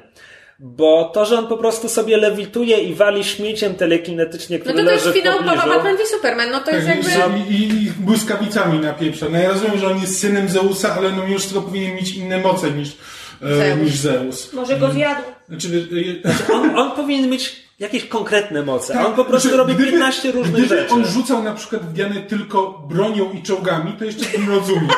To jeszcze bym rozumiał, że on po prostu ma jakąś tam dziwną kontrolę nad bronią. Po Bronio, prostu, broniokinezę. tak, broniochinezę, tak. I po prostu Alskinesis. Tak, i po prostu rzuca w nią granatami, rzuca w nią czołgami i tak dalej. Ale kiedy on rzuca po prostu wszystkim, co tylko jest i po prostu ma telekinezę i błyskawice z rąk. I lata. I lata. I wszystko po prostu. I Diana potem się okazuje, że robi dokładnie to samo. I nagle, wiesz, i nagle ona potrafi wchłonąć jeszcze te błyskawice jego i wyrzucić się. Co? Czy gdzie? Skąd? Czemu? Why? To, to po prostu kompletnie. Nie, no, nie tak się robi walki superbohaterskie. No muszą być jakieś zasady. Znaczy, a nie po prostu, że będziemy, będziemy napieprzać siebie energią i wszystkim, co jest Teraz mi, teraz mi coś przyszło do głowy. Nie, chyba mi się to nie podoba. To znaczy, bo mamy. E, czy film próbuje zasugerować. No bo jakby. E, Diana jest uwięziona przez te tam metalowe obejmy, co ją, co ją Ares uwięził. Widzi, jak samolot Steve'a odlatuje i wybucha, krzyczy nie w slow-mo, because of course reasons, wielkie lowe stracone i tak dalej. Po czym zaczyna bić żołnierzy w oku, podnosi czołg i Ares ją podjudza, żeby zabiła Dr. Poison, no i wtedy Diana podejmuje decyzję, nie, w ludziach jest coś do odratowania, nie zrobię tego. Czy ja mam naprawdę w którymkolwiek momencie uwierzyć, że Diana miała szansę być zła i Ares miał szansę ją przekabacić? Przecież to jest durne. Ja nie wiem, czy podoba mi się to, co film próbuje w tym momencie A, a zasugerować. ta scena nie podoba się w inny sposób, bo przypomina mi się nieszczęsny Spectre, gdzie z jakiegoś powodu mamy zwycięstwo moralne Bonda, bo nie zabija Blofelda na końcu. To jest agent z licencją na zabijanie. To, że on nagle nie zabija Blofelda, to jakby kompletnie mi tu nie pasuje. I tutaj mamy Wonder Woman, która wesoło siecze mieczem setki statystów, ale tej jednej kobiety nie zabije, Tylko chociaż dlatego, że ona na to zasługuje Ale w tylko dlatego, przeciwieństwie... że Ares jej powiedział zrób to, ona stwierdziła nie. Jakby ci wszyscy statyści to po prostu byli wieśniacy ze swoich wiosek, którym dano karabin i posłano na front, a tu jest kobieta, która nie tylko stworzyła broń masowej zagłady, ona się cieszyła, że to robi i to w kreskówkowy, złowieszczy sposób Tak, To rechotała. kompletnie nie ma sensu. I to jest... wow, Wonder Woman ją ten, oszczędziła. Bo ktoś, Świetnie. Bo ktoś jej kiedyś zrobił kuku w twarz. No bo Znaczy, wiesz, szczególnie, że żyjemy, żyjemy w tym Snyderowym Murderverse, gdzie jakby ewidentnie zabijanie złych nie czyni z ciebie złego, więc jakby to kompletnie... Jakby, jakby ja nie miałem problemu z tym, że Wonder Woman zabija w tym filmie. Jakby no ona jest wojowniczką, do tego została Ja, stworzona, do tego została mm, ja wytrenowana. mam problem z tym, że nie ma żadnej reakcji, kiedy zabija, nawet kiedy zabija pierwsze, swoją pierwszą osobę. Na tym skirze, kiedy, kiedy tam... No tak, no biorąc pod uwagę, że ona przez ostatnie ileś tysięcy lat, zakładając, że się nie starzeje, nie widziała śmierci, bo, bo, bo Amazonki są nieśmiertelne i nie, ludzie tam nie giną na Temiskerze, no to jakby No to tutaj kompletnie fakt, że widzi śmierć i sama ją Znaczy, no spowodowała, no to jakby... Nie, no, to- to ponieważ jest tak- to jest plemię wojowniczek, to jakby nie mam z tym problemu, że one nie mają żadnej reakcji. No po prostu to jest coś, do czego zostały szkolone i przy ten... Ale ona nie widziała śmierci, ona nigdy nie widziała prawdziwej ale osoby, która nie- ginie. Tak, ale on niekoniecznie musi rozumieć w ogóle nawet co to, co, jakby no ona wie, że ludzie umierają, ale ponieważ żyje w świecie, w którym ludzie nie umierają, to, to dla niej nic nie znaczy. Znaczy, ma To jest to, po prostu odrobinę sensu, biorąc pod uwagę, że pierwszą śmiercią, która ma prawo zrobić na niej jakiekolwiek wrażenie, jest śmierć e, Antiope, która następuje po tym, jak ona zabiła swojego pierwszego, swojego pierwszego człowieka, więc jeżeli przyjmiemy argumentację Kamila pod tytułem ona nie wie, co to jest śmierć i co to znaczy, bo nigdy jej nie przeżyła i nie widziała, no to zabija żołnierzy nie wiedząc, co czyni, a potem, kiedy umiera ktoś jej bliski, to jakby dopiero to zaskakuje. I Tylko ja, fakt, że ja na przykład chciałbym, ma... żeby ona w tak, tym momencie ja stwierdziła, że każde życie jest cenne, ja więc nie będzie ja go nikomu rozumiem, odbierać. Ja rozumiem o co ci chodzi, natomiast tu mamy ten konflikt tego, Ewentualnie- jestem wojowniczką. Ewentualnie, jeśli nie po Antiopę, to żeby zrobiła to po śmierci Steve'a. Ja- Ja nie mówię, że superbohaterowie nie mogą zabijać, bo są postaci, do których to pasuje. Wonder Woman akurat tak, ona jest wojowniczką. Jakby w komiksach, kiedy mamy tę wielką trójcę DC, Superman, Batman, Wonder Woman, to właśnie Wonder Woman się wybija nie tylko dlatego, że jest kobietą, ale też dlatego, że w przeciwieństwie do tamtych dwóch, ona nie ma problemów z zabijaniem, kiedy naprawdę kogoś trzeba zabić. Ale znowu, kiedy naprawdę kogoś trzeba, a Znaczy, nie wiesz, tak na ona lewo i przede prawo. wszystkim, no, jakby cała, cała jej misja to jest polega na tym, że ona idzie zabić konkretną osobę.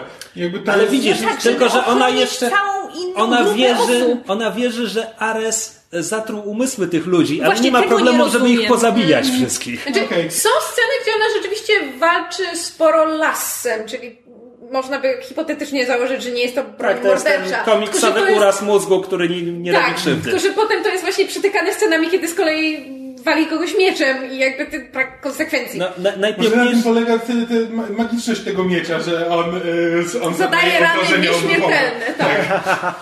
E, W samym finale, już zaraz po pokonaniu Aresa, wstaje nowy dzień i mamy braterstwo broni między tymi wcale nie Howling Commandos i Niemcami, z którymi przed chwilą się strzelali.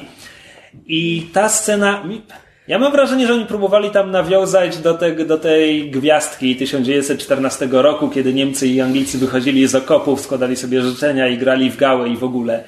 Tylko, że Wonder Woman szlachtowała tych statystów pół minuty temu i to jakby. Ale też jednocześnie oni robią z tego w ten sposób taką scenę, która dla mnie ewidentnie sugeruje, że oni w momencie śmierci Aresa jednak spada z nich, ocknęli, tak, tak. spada z nich jakiś czar, że oni się z czegoś ocknęli, a, a No przecież film mówi nam, że to oni robili wszystko z własnej woli, że Ale Ares wiemy, nie że mamy drugą wojnę światową, więc to jest już w ogóle bez sensu. Ale po jakby- prostu ten film tak niekonsekwentnie stosuje ten, ten swój główny wątek i główny reveal o tym, że Ares tak naprawdę nie kontroluje tych ludzi. To, no to kurczę, trzymajmy się tego do końca. Nie padajmy sobie w ramiona. Ja mam, ja mam też jedno pytanie, bo ja autentycznie nie rozumiem tej motywacji. To znaczy, dlaczego Diana dostaje szału, kiedy, kiedy Steve ginie? No bo go kocha, no! Ale nie, bo jakby. Okej, bo jest ta scena, kiedy ona, kiedy, kiedy ona jest ogłuszona przez, przez wybuch i Steve do niej mówi i ona mu odpowiada, ale my jako widzowie nie słyszymy, co oni do siebie mówią. Swoją drogą fajna scena. Bardzo piękna, Jak się tak między strasznie słowami. podobało. Tak. E, A potem i, i Bill potem, Murray wsiadł do taksówki, ona eksplodowała. I potem mamy jakby retrospekcję, kiedy, kiedy Diana się orientuje, co zostało powiedziane, czy jakby film musi nam pokazać, co zostało powiedziane. Mimo, że w sumie chyba nie musieliśmy wiedzieć, co tam zostało powiedziane, bo to jest jakby Nie, dość... nie, Ale mi się to podoba, że to on jest tą postacią, która mówi, że ją kocha. To mężczyzna mówi, że kocha, to nie ona to powiedziała. Tak, ale to nie było w ogóle potrzebne. Ja nie musiałam tego usłyszeć, bo... A ja chciałam. Znaczy, ja się tego... Nie. Tak! Ja się domyślałem, znaczy ja właśnie uważam, że to jest ładniejsza scena z tym, że no, ona jakby nigdy nie będzie wiedziała do końca, co on jej powiedział. Tak, tak, super! Byłaby zachwycona, gdyby nie wiedziała, co jej powiedział. Ale jakby to jest... Ale to, to, ale jest, to było to takie jest, smutne i romantyczne, Tak, to że jest ona się piękne, może jest domyśleć, co on jakby- jej powiedział. Ona jakby, ona wie jakby, mimo, tego, że nie słyszała, no to ona wie, wie, co... dlaczego on to Tak, zrobił. Dla dlaczego niej on to jest zrobił, logiczne. to I, znaczy. I jakby fakt, że film nam próbuje młotkiem wtłuc do głowy, że ona na pewno wiedziała, co on chce zrobić, bo mamy retrospekcję już z podłożonym dźwiękiem pod tytułem ja to zrobię, po czym Steve mówi nie, nie, nie, bo ty możesz uratować świat, a ja mogę uratować nas w tej chwili, czy cokolwiek on tam On, nie, powiedział. to było takie śmieszne tłumaczenie, ja mogę uratować tylko garstkę ludzi, ty możesz uratować świat. Czy coś takiego. No ale w każdym No. razie jest wyraźnie powiedziane, że mimo, że, że mieliśmy to takie dudnienie w uszach i sugerował film, że Diana nie wie, co Steve do niej powiedział, to mamy wyraźnie pokazane, że tam była jakaś konwersacja i że ona mniej więcej wie, co on jej powiedział. To dlaczego ona potem dostaje jakiegoś takiego dziwnego ataku szału? Przecież ona powinna bardzo dobrze rozumieć, że to, co Steve zrobił, jakby podjął, to była jego decyzja, on ją podjął, jakby to, to tylko udowadnia, że w ludziach jest dobro, że są w stanie się jakby selflessly poświęcić. Bo może, bo może się zastanawiała, to jest samolot, tam są spadochrony, czemu nie wyskoczył? E, To jest już zupełnie inna sprawa, ale jakby A skoro jesteśmy przy samolocie, jeśli twórcy bali się skojarzeń z pierwszym Kapitanem Ameryką, mogli wymyśleć inny finał niż samolot śmierci, gdzie przystojny Chris musi się poświęcić, żeby uratować ludzi. e, bez spadochronu jeszcze na dodatek, nie? E, ale po prostu jakby Czy przystojny Chris? Przystojny Steve! A, tak, tak. wait, both work! to Chris, to Steve, to Steve, to Chris. Ale po, powiedz mi, w którym momencie ona ma tą re- retrospekcję, że widzi, przypomina sobie, co on jej powiedział? E, Kiedy czołg. jest ściskana... Kiedy nie, Aha, już Nie, potem. ona jest ściskana, widzi jak samolot wybucha, wpada w szał, zap- zaczyna bić e, e, niemieckich żołnierzy, w międzyczasie Ares ją podpuszcza, tak jakby ten szał, w który ona wpadła był skierowany teraz już przeciwko wszystkim, bo ona jest teraz... Aha, i w momencie, w którym trzyma czołg i jest o krok od zabicia tej kobiety, Przypomina sobie, co przypomina. Steve powiedział i to sprawia, że ona stwierdza, wait, nie, chyba jednak Steve miał rację. Ale to nie tak powinno wyglądać. Ale mi się wydaje, że w tej scenie chodziło o coś innego, że ona sobie nie rozmyśla nad tym, co on jej powiedział i nie przypomina sobie, przypomina sobie tego, żeby jeszcze raz sobie o tym pomyśleć, tylko że ona dopiero wtedy zdaje sobie sprawę, co on tak naprawdę do niej powiedział. Ja to tak odebrałam, że ona, nie, ona Ja- wcześniej też tego nie wiedziała, że ona dopiero teraz, kiedy miała chwilę Miała chwilę, żeby się nad tym zastanowić, bo, bo, bo czołg jest ciężki i mogła sobie z nim trochę postać, to dopiero wtedy ona zrozumiała, że, że to tak właśnie chodzi tylko o tą miłość i to jest, i to jest tam później związane z tym łopatologicznym morałem całego filmu, ale Dla mnie taka Znaczy, scena tak, właśnie tak, wyglądała. tak, I- to, że I guess, tylko, że jakby-. Tylko jak głupia jest Diana, jeżeli Steve, który jest szpiegiem i od początku robi rzeczy, że tak powiem, e, szare moralnie, ale w gruncie rzeczy wiemy i Diana też wie, że on ma dobre serce i że on chce jak najlepiej i że on dąży do tego, żeby to wszystko rozwiązać e, z jak najmniejszymi stratami w ludziach. Jeżeli ona to wszystko wie, wie jakim człowiekiem jest Steve, to ona powinna już od początku, nawet kiedy jest ściskana przez ten metal i widzi jak ten samolot wybucha, wiedzieć dlaczego Steve to zrobił. I fakt, że ona jest tak bezsensownie zaślepiona przez coś, co powinna inherentnie rozumieć i dopiero potem musi mieć moment pod tytułem a, no, wait a minute, I know what he meant, jest dla mnie durny, bo jest No bo sztuczny. finał jest źle napisany. Tak, ale to jest jakby, to jest część tego, dlaczego on jest durnie napisany i mnie to o tyle boli, że miałam wrażenie, że przez całą resztę film bardzo fajnie rozgrywa właśnie em, po pierwsze relacje między postaciami, po drugie postać Steve'a, która nie jest taka jednoznaczna, nie jest, jest dobrym człowiekiem i, i w pewnym sensie bohaterem, ale to, to nie jest tak, że nie robi złych rzeczy i z drugiej strony balansowanie tego, że Diana jest naiwna, ale nie jest kompletnie nieobeznana ze światem i nieobyta, tylko po prostu też ma bardzo dobre serduszko i to jest ich element wspólny. I biorąc to wszystko pod uwagę, co do tej pory film mi powiedział, to to jest kolejny element finału, który po prostu się sypie.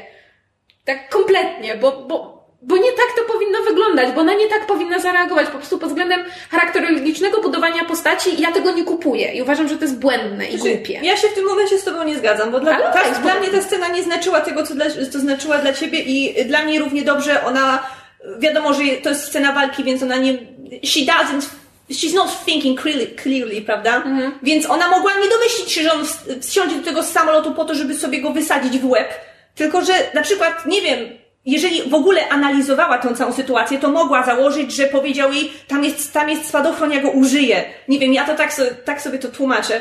I, I mnie się osobiście ten moment, że ona sobie to przypomina później i dopiero wtedy zdaje sobie sprawę z tego, co on jej powiedział, mnie się to bardzo podobało. I dla mnie ta scena y, dla ich całej relacji była bardzo ładna. Znaczy, ona jest w ogóle ładna, tylko wiesz co, ja, ja sobie obejrzę kiedyś ten, ten, ten film jeszcze raz właśnie jakby z trochę, wiedząc już czego się spodziewać i zobaczę, czy to wpływa na interpretację. Po prostu być może to była kwestia tego, że w tym finale się wszystko sypało i ja już byłam trochę na niego zła i jakby czepiałam się wszystkiego, może niesłusznie. Czy wam też przyszło do głowy, że Superman by nie zginął, gdyby nie był seksistą? Bo Steve Trevor wie, kiedy Wonder Woman sobie poradzi i kiedy oddać jej tam pole do popisu, że A nie mieszać jej się. O, chwilę mi to zajęło. Jakby Superman jej dał tę kryptonitową dzidę, to wszystko by się dobrze skończyło i nikt by nie zginął. No. Basically, y, wnioski z tego filmu są takie, że Diana, Diana Steve Trevor jest lepszy od Supermana, Zaka Snydera. Steve Trevor jest fantastyczną Lois Lane, to po pierwsze. Po drugie, e, e, Diana's got this. Let Diana do her thing. Everybody chill. No, tak. No i biedny, biedny, kochany, odważny Chris Pine trzymający się za jajka w scenie na golfi. I mean, Ale to bravo! To też jest taka głupia scena, gdzie on jakby wychodzi z tego, wy, jakby wstaje, wstaje z tego jeziorka, wchodzi Diana i on zamiast jakby zanurkować z powrotem się schować do tego jeziorka, tam po prostu stoi. I, i tyle. Ale nie, bo jest, jest moment, kiedy, kiedy, kiedy on jakby wstaje z tego jeziorka, Diana wchodzi, on ma taki moment, kiedy chce się zanurzyć, po czym podejmuje świadomą decyzję i się prostuje. Tam jest taki, taki fragment. Serio? Tak. Znaczy, to, Czy ja to to jest tak głupsze, to czemu? No bo, bo jest mężczyzną, który nie wstydzi się swojej, czemu. nie, Okej, nie dobra. wstydzi się swojej anatomii, a z kolei Diana mu się przygląda oceniająco. Jest krótki dialog e, O seksie. o seksie zaadresowania jego anatomii, po czym Diana zaczyna się interesować zegarkiem. I, I rozmowa schodzi na dalszy temat. Jakby mi się bardzo podoba, jak to jest potraktowane, że okej, we're addressing the nakedness, została zaadresowana, moving on. To właśnie jest takie jakby... Znaczy nie, Fajne. nie, mi się po prostu skojarzyło z tą sceną z Star Trek Into Darkness, kiedy tam, nie pamiętam kto, Kirk chyba e, wpada na tą... A tak, e, Alice dziewczynę. Eve, tak. na, a- na Alice Eve, która w pozycji na come at me bro, się w samych tych, w samych tych slipach i w staniku stoi i, i się dziwi, że jak możesz na mnie patrzeć.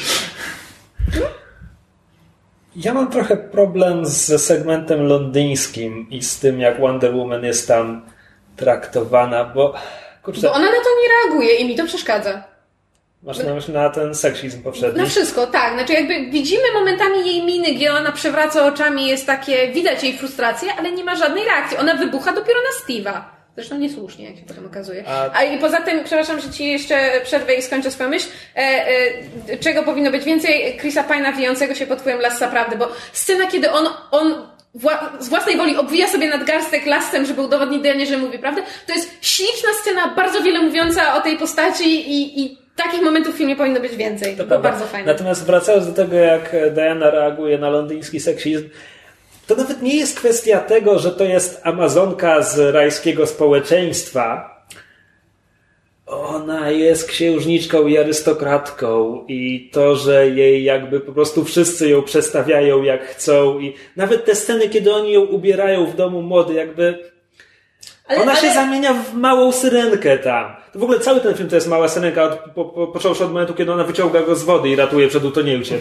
Ale, myślisz, zwłaszcza w myślisz, że Londynie. inne Amazonki na wyspie rzeczywiście traktowały ją bardzo inaczej przez to, że ona jest księżniczką? Bo mi się wydaje, że nie. Wydaje mi się, że tamte społeczeństwo mogło być o wiele mniej klasowe niż nasze. Ale znaczy- nie, ale poza tym ja mam takie wrażenie, że to jak Hipolita traktowała e, Dianę i jakby przez, przez przeniesienie również inne Amazonki traktowały Dianę, to znaczy z jednej strony jako to księżniczkę na ziarnko grochu, którą należy chronić, ale z drugiej strony tę, która nie może podejmować żadnych decyzji, bo Hipolita podejmuje decyzje za nią, to właśnie Diana jest taką postacią, która dałaby się ubierać w kilkanaście sukienek, no bo jakby, no bo, no bo mi każą, no bo wypada, no bo, no bo trzeba, jakby to właśnie to takie wychowanie królewskie, czy jakieś... Nie wiem, dla mnie szczerze mówiąc, wracamy do tego, jak film przedstawia te Miskiry Amazonki. Dla mnie tam jest jakaś schizofrenia w tym, bo okazuje się potem, że wszyscy wiedzą, że Diana nie jest normalną Amazonką. I tam mamy takie sceny, w momencie, kiedy to wychodzi na jaw, kiedy Robin Wright się przewraca od magicznych bransolet, e, to tam w ogóle jest jakaś sugestia jakiegoś ostracyzmu, że te Amazonki się odsuwają od Diany i No właśnie, ja nie wiem, co tam, co to miało być. cały film o tej miskerze. Tell me more, give me more.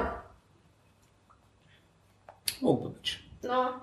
I szczerze mówiąc, ja, jakby, ja rozumiem, że, że potrzebowali więcej ty- kobiet, poczekaj, daj mi skończyć, potrzebowali więcej kobiet, w związku z tym jest postać Ety, ale czy ona jest tam w ogóle potrzebna? Ona Znaczy- jest chodzącym comic reliefem, ona tam właściwie tak nic było nie jej robi. szkoda, no jakby mogłoby jej nie być i nawet nie wiem, czy to by nie było lepsze, żeby Diana właśnie była jedyną kobietą. Et, Et, Etta Candy, podobnie jak Steve Trevor, jest postacią z najstarszych Ja ja komiksów się z Wonder Woman. ale jakby no... E, Co więcej, film daje jej w pewnym momencie rolę, że, że ona zarządza misją z bazy.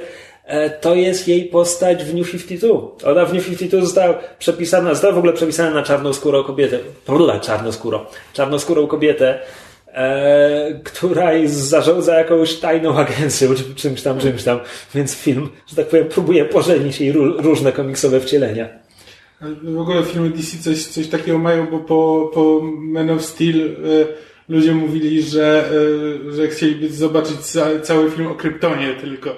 no. Więc oni dobrze zaczynają, tylko Fuck że na ziemi im nie wychodzi. Woodwatch. Znaczy, ba- bardzo chętnie bym obejrzała cały film o tym Kryptonie z Man of Steel. Nie jestem pewna, czy chcę obejrzeć ten serial o Kryptonie, który będzie. Zobaczymy. No. Tak, ale... e, I mean, it could have been worse, but it could have been better. Nie no, to jest bardzo porządny film. wam się więc- sama Gal Gadot po, podobała? Mam wrażenie, że o niej jeszcze nie mówiliśmy. Em, nie mówiliśmy rzeczywiście. Em, fajnie, to znaczy, wydaje mi się, że w miarę umiejętnie wyważyła ten właśnie jakby tę mieszankę z jednej strony naiwności, a z drugiej strony charakterności e, Diany. E, bardzo mi się podobały sceny, kiedy ona z tą swoją zagorzałą wiarą, że wystarczy zabić Aresa i to rozwiąże wszystkie problemy całego świata, kłóci się ze Steve'em, który próbuje tej biednej, naiwnej istotce udowodnić dziecko, nie, to nie tak działa. Bardzo mi się to podobało, to jest fajny element ich relacji i kompletnie rozumiem frustrację Steve'a, bo postaci inherentnie naiwne potrafią być bardzo frustrujące, no bo nie da się ich przekonać, no bo one wiedzą lepiej, mimo że nie wiedzą.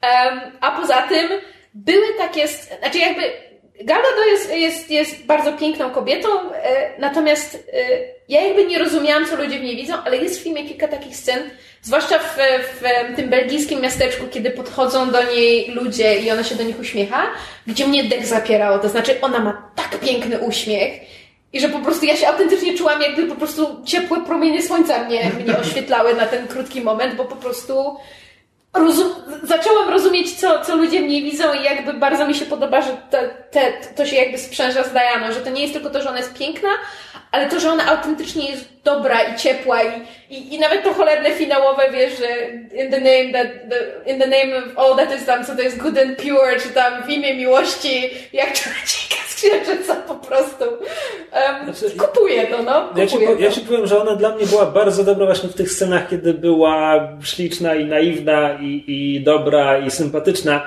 Natomiast te, te sceny, kiedy ona miała się wściekać, to moim zdaniem nie, nie udźwigała. Znaczy, ta, ta kłótnia ze Steve'em na przykład? Kłótnia ze Steve'em, e, scena w okopach tuż przed, tuż przed tym wyjściem z okopu. E, absolutnie szał w finale, no ale tam scenariusz jej nie. No pomaga, tak. Żeby coś zagrać. niestety, że ona trochę wypada zbyt y, bardziej histerycznie niż, Właśnie. y, niż zła. Y, No. Znaczy tak, to jest to jest, to jest, to jest, to jest za przeproszeniem kobieta strzelająca focha albo histerię, a nie wiesz. A nie wojowniczka furii. Tak, a nie wojowniczka furii, po prostu siła natury, burza, huragan, którego należy się bać. To jest na zasadzie really crying, screaming, could you not? To jest takie trochę... No, nie, ale jakby aktorsko bardzo, bardzo się sprawdziła i bardzo liczę na to, że w, w in, ten, nie Injustice League, tylko Justice League. Przepraszam, ale ja już bardzo bym chciała zagrać w drugi Injustice. Um, w, mam nadzieję, że w Justice League mimo wszystko jej postać nie będzie taka e, strasznie depresyjna jak w, w Batman v Superman, nie będzie taka totalnie poważna, no ale we shall see. No wiesz, do premiery filmu mają jeszcze 4 miesiące czy 5, więc jeszcze będą dokrętki, dokrętki, dokrętek. Tak, i przemontowywanie. A teraz przecież był, wiesz, jak, jak. Warner Brothers zobaczą reakcję na Wonder Woman, to będą dokrętki, dokrętek, dokrętek. No, Ja tu nie mam żadnych wątpliwości. no nic, pożyjemy, zobaczymy. E, chyba doturaliśmy się do końca tego omówienia. Tak jest. Czy jeszcze jakieś słowo na koniec, czy wystarczy nam, że film był ok, a Wonder Woman fajna, ale film mógł być lepszy? Znaczy, ja, ja o tym pisałam u siebie na... na... Znaczy to jest tak, większość... y, Wow! Przepraszam, przepraszam, przepraszam, przepraszam. Tak! przepraszam. Ja Jeszcze, jeszcze wyjaśnij jej, co ona chciała powiedzieć. E, To w przyszłym tygodniu zrobimy odcinek o mansplaining. E, Ja o tym pisałam na fanpage'u i jakby abstrahując od, od wszystkich e, wad filmu, to co mi się bardzo podoba, co jakby dla mnie ten film zrobił, to miałam takie momenty, kiedy właśnie kiedy Diana i Steve dyskutowali i kamera zmieniała punkt widzenia z jednego, e, z jednej postaci na drugą, e, to przyłapywałam się wielokrotnie na tym, biorąc pod uwagę, jak postać Chrisa Pine'a jest fajnie napisana, jak fajnie on to zagrał, musiałam się przyłapywać na tym, żeby nie traktować Steve'a jako głównego bohatera tego filmu. I to, co bardzo doceniam w, w Wonder Woman jako całości, to jest to, że mam wrażenie, że um, Patty Jenkins bardzo umiejętnie um, jakby stworzyła film, który jest dla wszystkich, a jednocześnie nadal jest to film na wskroś kobiecy. To znaczy, on mi bardzo subtelnie, ale konsekwentnie cały czas przypominał, okej, okay, Steve jest fajny, ale nu, nu, nu, nu, nu. Bohaterką jest Diana i to jakby na niej ma nam zależeć. I sam fakt, że ja się przyłapałam na tym, że mam wpojone to, że defaultowym bohaterem jest biały, heteroseksualny mężczyzna i musiałam się przyłapywać na tym, żeby odwracać swoją uwagę za każdym razem z powrotem do Diany. Bardzo świadomie, ja to doceniam, jakby to jest, ja, ja, nie twierdzę, że to w filmie jest, natomiast to jest co, coś, co film we mnie wywołał i to mi się, za to jestem wdzięczna. Nie do końca rozumiem, ale też nie miałem takiego problemu, żeby musieć sobie przypominać, kto jest w tytule filmu i w ogóle. Ale cieszę Nie, ale się, że... sam, sam fakt, to, to co Mego powiedziała na zasadzie, że film powinien mieć tytuł, Chris Pine, tagline jest zajebisty. To jest bardzo podobna myśl, którą ja miałam w trakcie filmu. To znaczy na zasadzie, ojej, Steve Trevor jest taką fajną postacią, chętnie bym, bym obejrzała nim więcej. Ale to takie... był żart! Ale tak, ale właśnie sam fakt, że ja miałam w trakcie filmu takie myśli na zasadzie, że u, Steve się znowu pojawia, fajnie, ciekawe, co tym razem zrobi.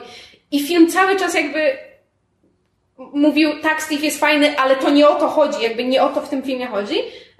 Dla mnie było istotne jakby jestem, uważam, że to jest, to jest cenne. Dla mnie było cenne. Możesz teraz mówić, kotku. Dziękuję. Proszę.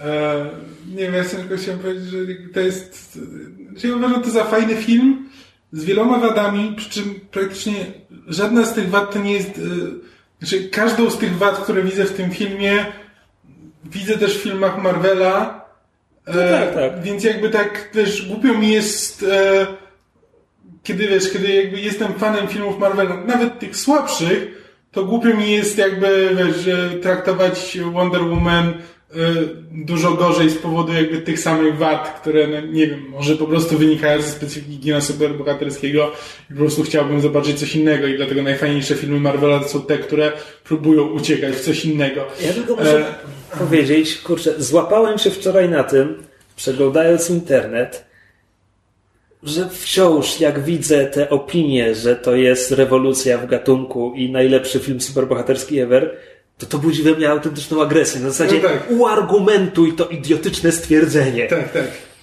Nie, bo on, on jest porządny, ale naprawdę nie robi nic. No Właśnie o to chodzi. No. Wszystkie wady są wadami, które widzę w filmach Marvela, ale też ten film nie robi nic więcej niż większość filmów Marvela, więc jakby jest po prostu bardzo dobrze się wpisuje w jakby w istniejący, w istniejący kanon, jakby w istniejący gatunek kina superbohaterskiego. Ale wcale nie wywraca go do góry Tak, no nogami, i jedyne co ma, no, że jedyne co ma, to jest kobieta w głównej roli.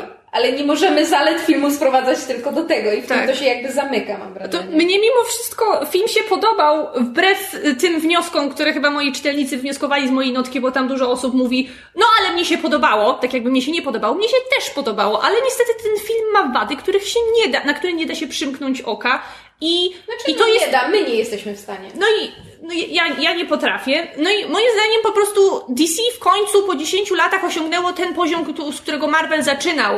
e, pi- pi- tak. Pierwszymi filmami z każdej, e, z każdego tytułowego bohatera. No i, no i brawo, dobra robota. A teraz czas zrobić krok naprzód i zacząć konkurować z Marvelem na poziomie tych ich lepszych filmów. Nie no, 10 lat temu to DC wypuściło Dark Knighta.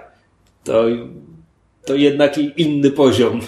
To znaczy ja mówię o tym, co Marvel robił 10 lat temu No z tak, pierwszym Iron tak, Manem, tak. z pierwszym Torem, y, z wszystkim prostu pierwszym, chodzi- co tam zrobili. DC nie goni Marvela od dekady. Jeszcze nie. Ja wiem, bo oni się obudzili z ręką w nocniku. Znaczy oni No tak, ale też z drugiej strony Dark Knight zżera MCU, więc to jakby... DC też robiło dobre filmy. Dawniej. Tak, ja wiem, chodzi mi o tą ich chodzi, chodzi, nowożytną o, chodzi o serię. budowanie uniwersum, Tak, jakby tak, Dark tak. Knight wszystko jest To jest coś Znaczy, innego. Tutaj mam wrażenie, że po prostu komuś zabrakło odwagi, żeby doprowadzić ten film jakby do logicznego końca i po prostu musiał się skończyć typowym, typową superbohaterską walką, a gdyby się tym nie skończył, to byłby, to byłby rzeczywiście świetny film, a nie tylko no, w porządny. porządku.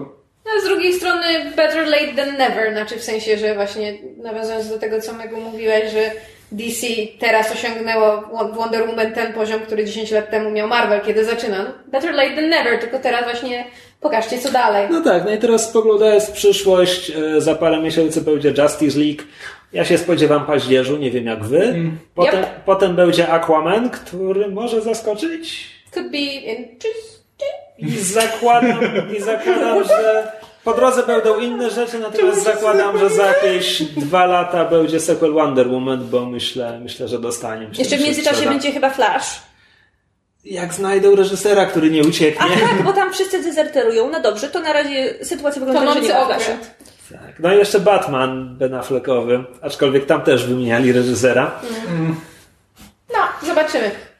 A po drodze czekają nas, czeka nas Mumia z Tomem Cruzem i Król Artur Gaja Ricciego Ja i się Thor spodziewam nas paździerza czeka. i jeszcze większego paździerza, ale to myślę, że będzie fajny. Ja się spodziewam... Ja idę się dobrze bawić. Nie, ja na Tora to po prostu czekam, czekuję jak Kania Joe. no jak Kania Ju. Jak Kania Waititi, nie czekaj. To jest żart, z którego mysz śmieje się sama, bo nikt go nie zrozumiał. Już, Waititi, co? już długo... No, No e, tak, nie, tak. tak, nieważne. Dobrze, już kończymy, bo ja chyba mam e, ten niski poziom cukru, bo śniadania nie jadłam. E, jest godzina 15. Czy Nie, coś. po prostu gra słów Kania i Tajka, jakby nie zgrywa mi się. Łajka Waititi. Tam masz grę słów. Łajka przypomina Tajkę. Czajka. Oj, Pozdrawiamy zwierza. Życzymy powrotu do zdrowia. Tak jest. I tym na dzisiaj e, kończymy dzisiejszy odcinek. Dziękujemy Megu bardzo za e, udział w dzisiejszym nagraniu. Wiecie, gdzie mnie znaleźć. We know where you live. Dum, dum, dum. E, jak zwykle, jeżeli macie jakieś pytania, komentarze, sugestie lub pretensje, to możecie je zgłaszać do nas na stronie myszmasz.pl albo możecie nam napisać na Facebooku, gdzie mamy nasz fanpage Myszmasz Podcast, albo możecie nam wysłać maila na myszmaszpodcast.gmail.com a w ogóle szukajcie nas na social media. Jesteśmy też na Patronajcie, więc jeżeli e, podobał Wam się dzisiejszy odcinek, albo w ogóle lubicie nas słuchać i e, chcecie i możecie nas wesprzeć, to będzie nam bardzo miło, bo dzięki temu stać nas na różne rzeczy związane z e, rozwojem podcastu. I to tyle. Dzięki. Cześć! A jeśli do nas napiszecie, Będziemy szczęśliwi jak y, norka w... Y, wow. Myślałam, że mi się uda. Myślałam, że mi się uda. e, jak norka w kredensie. A.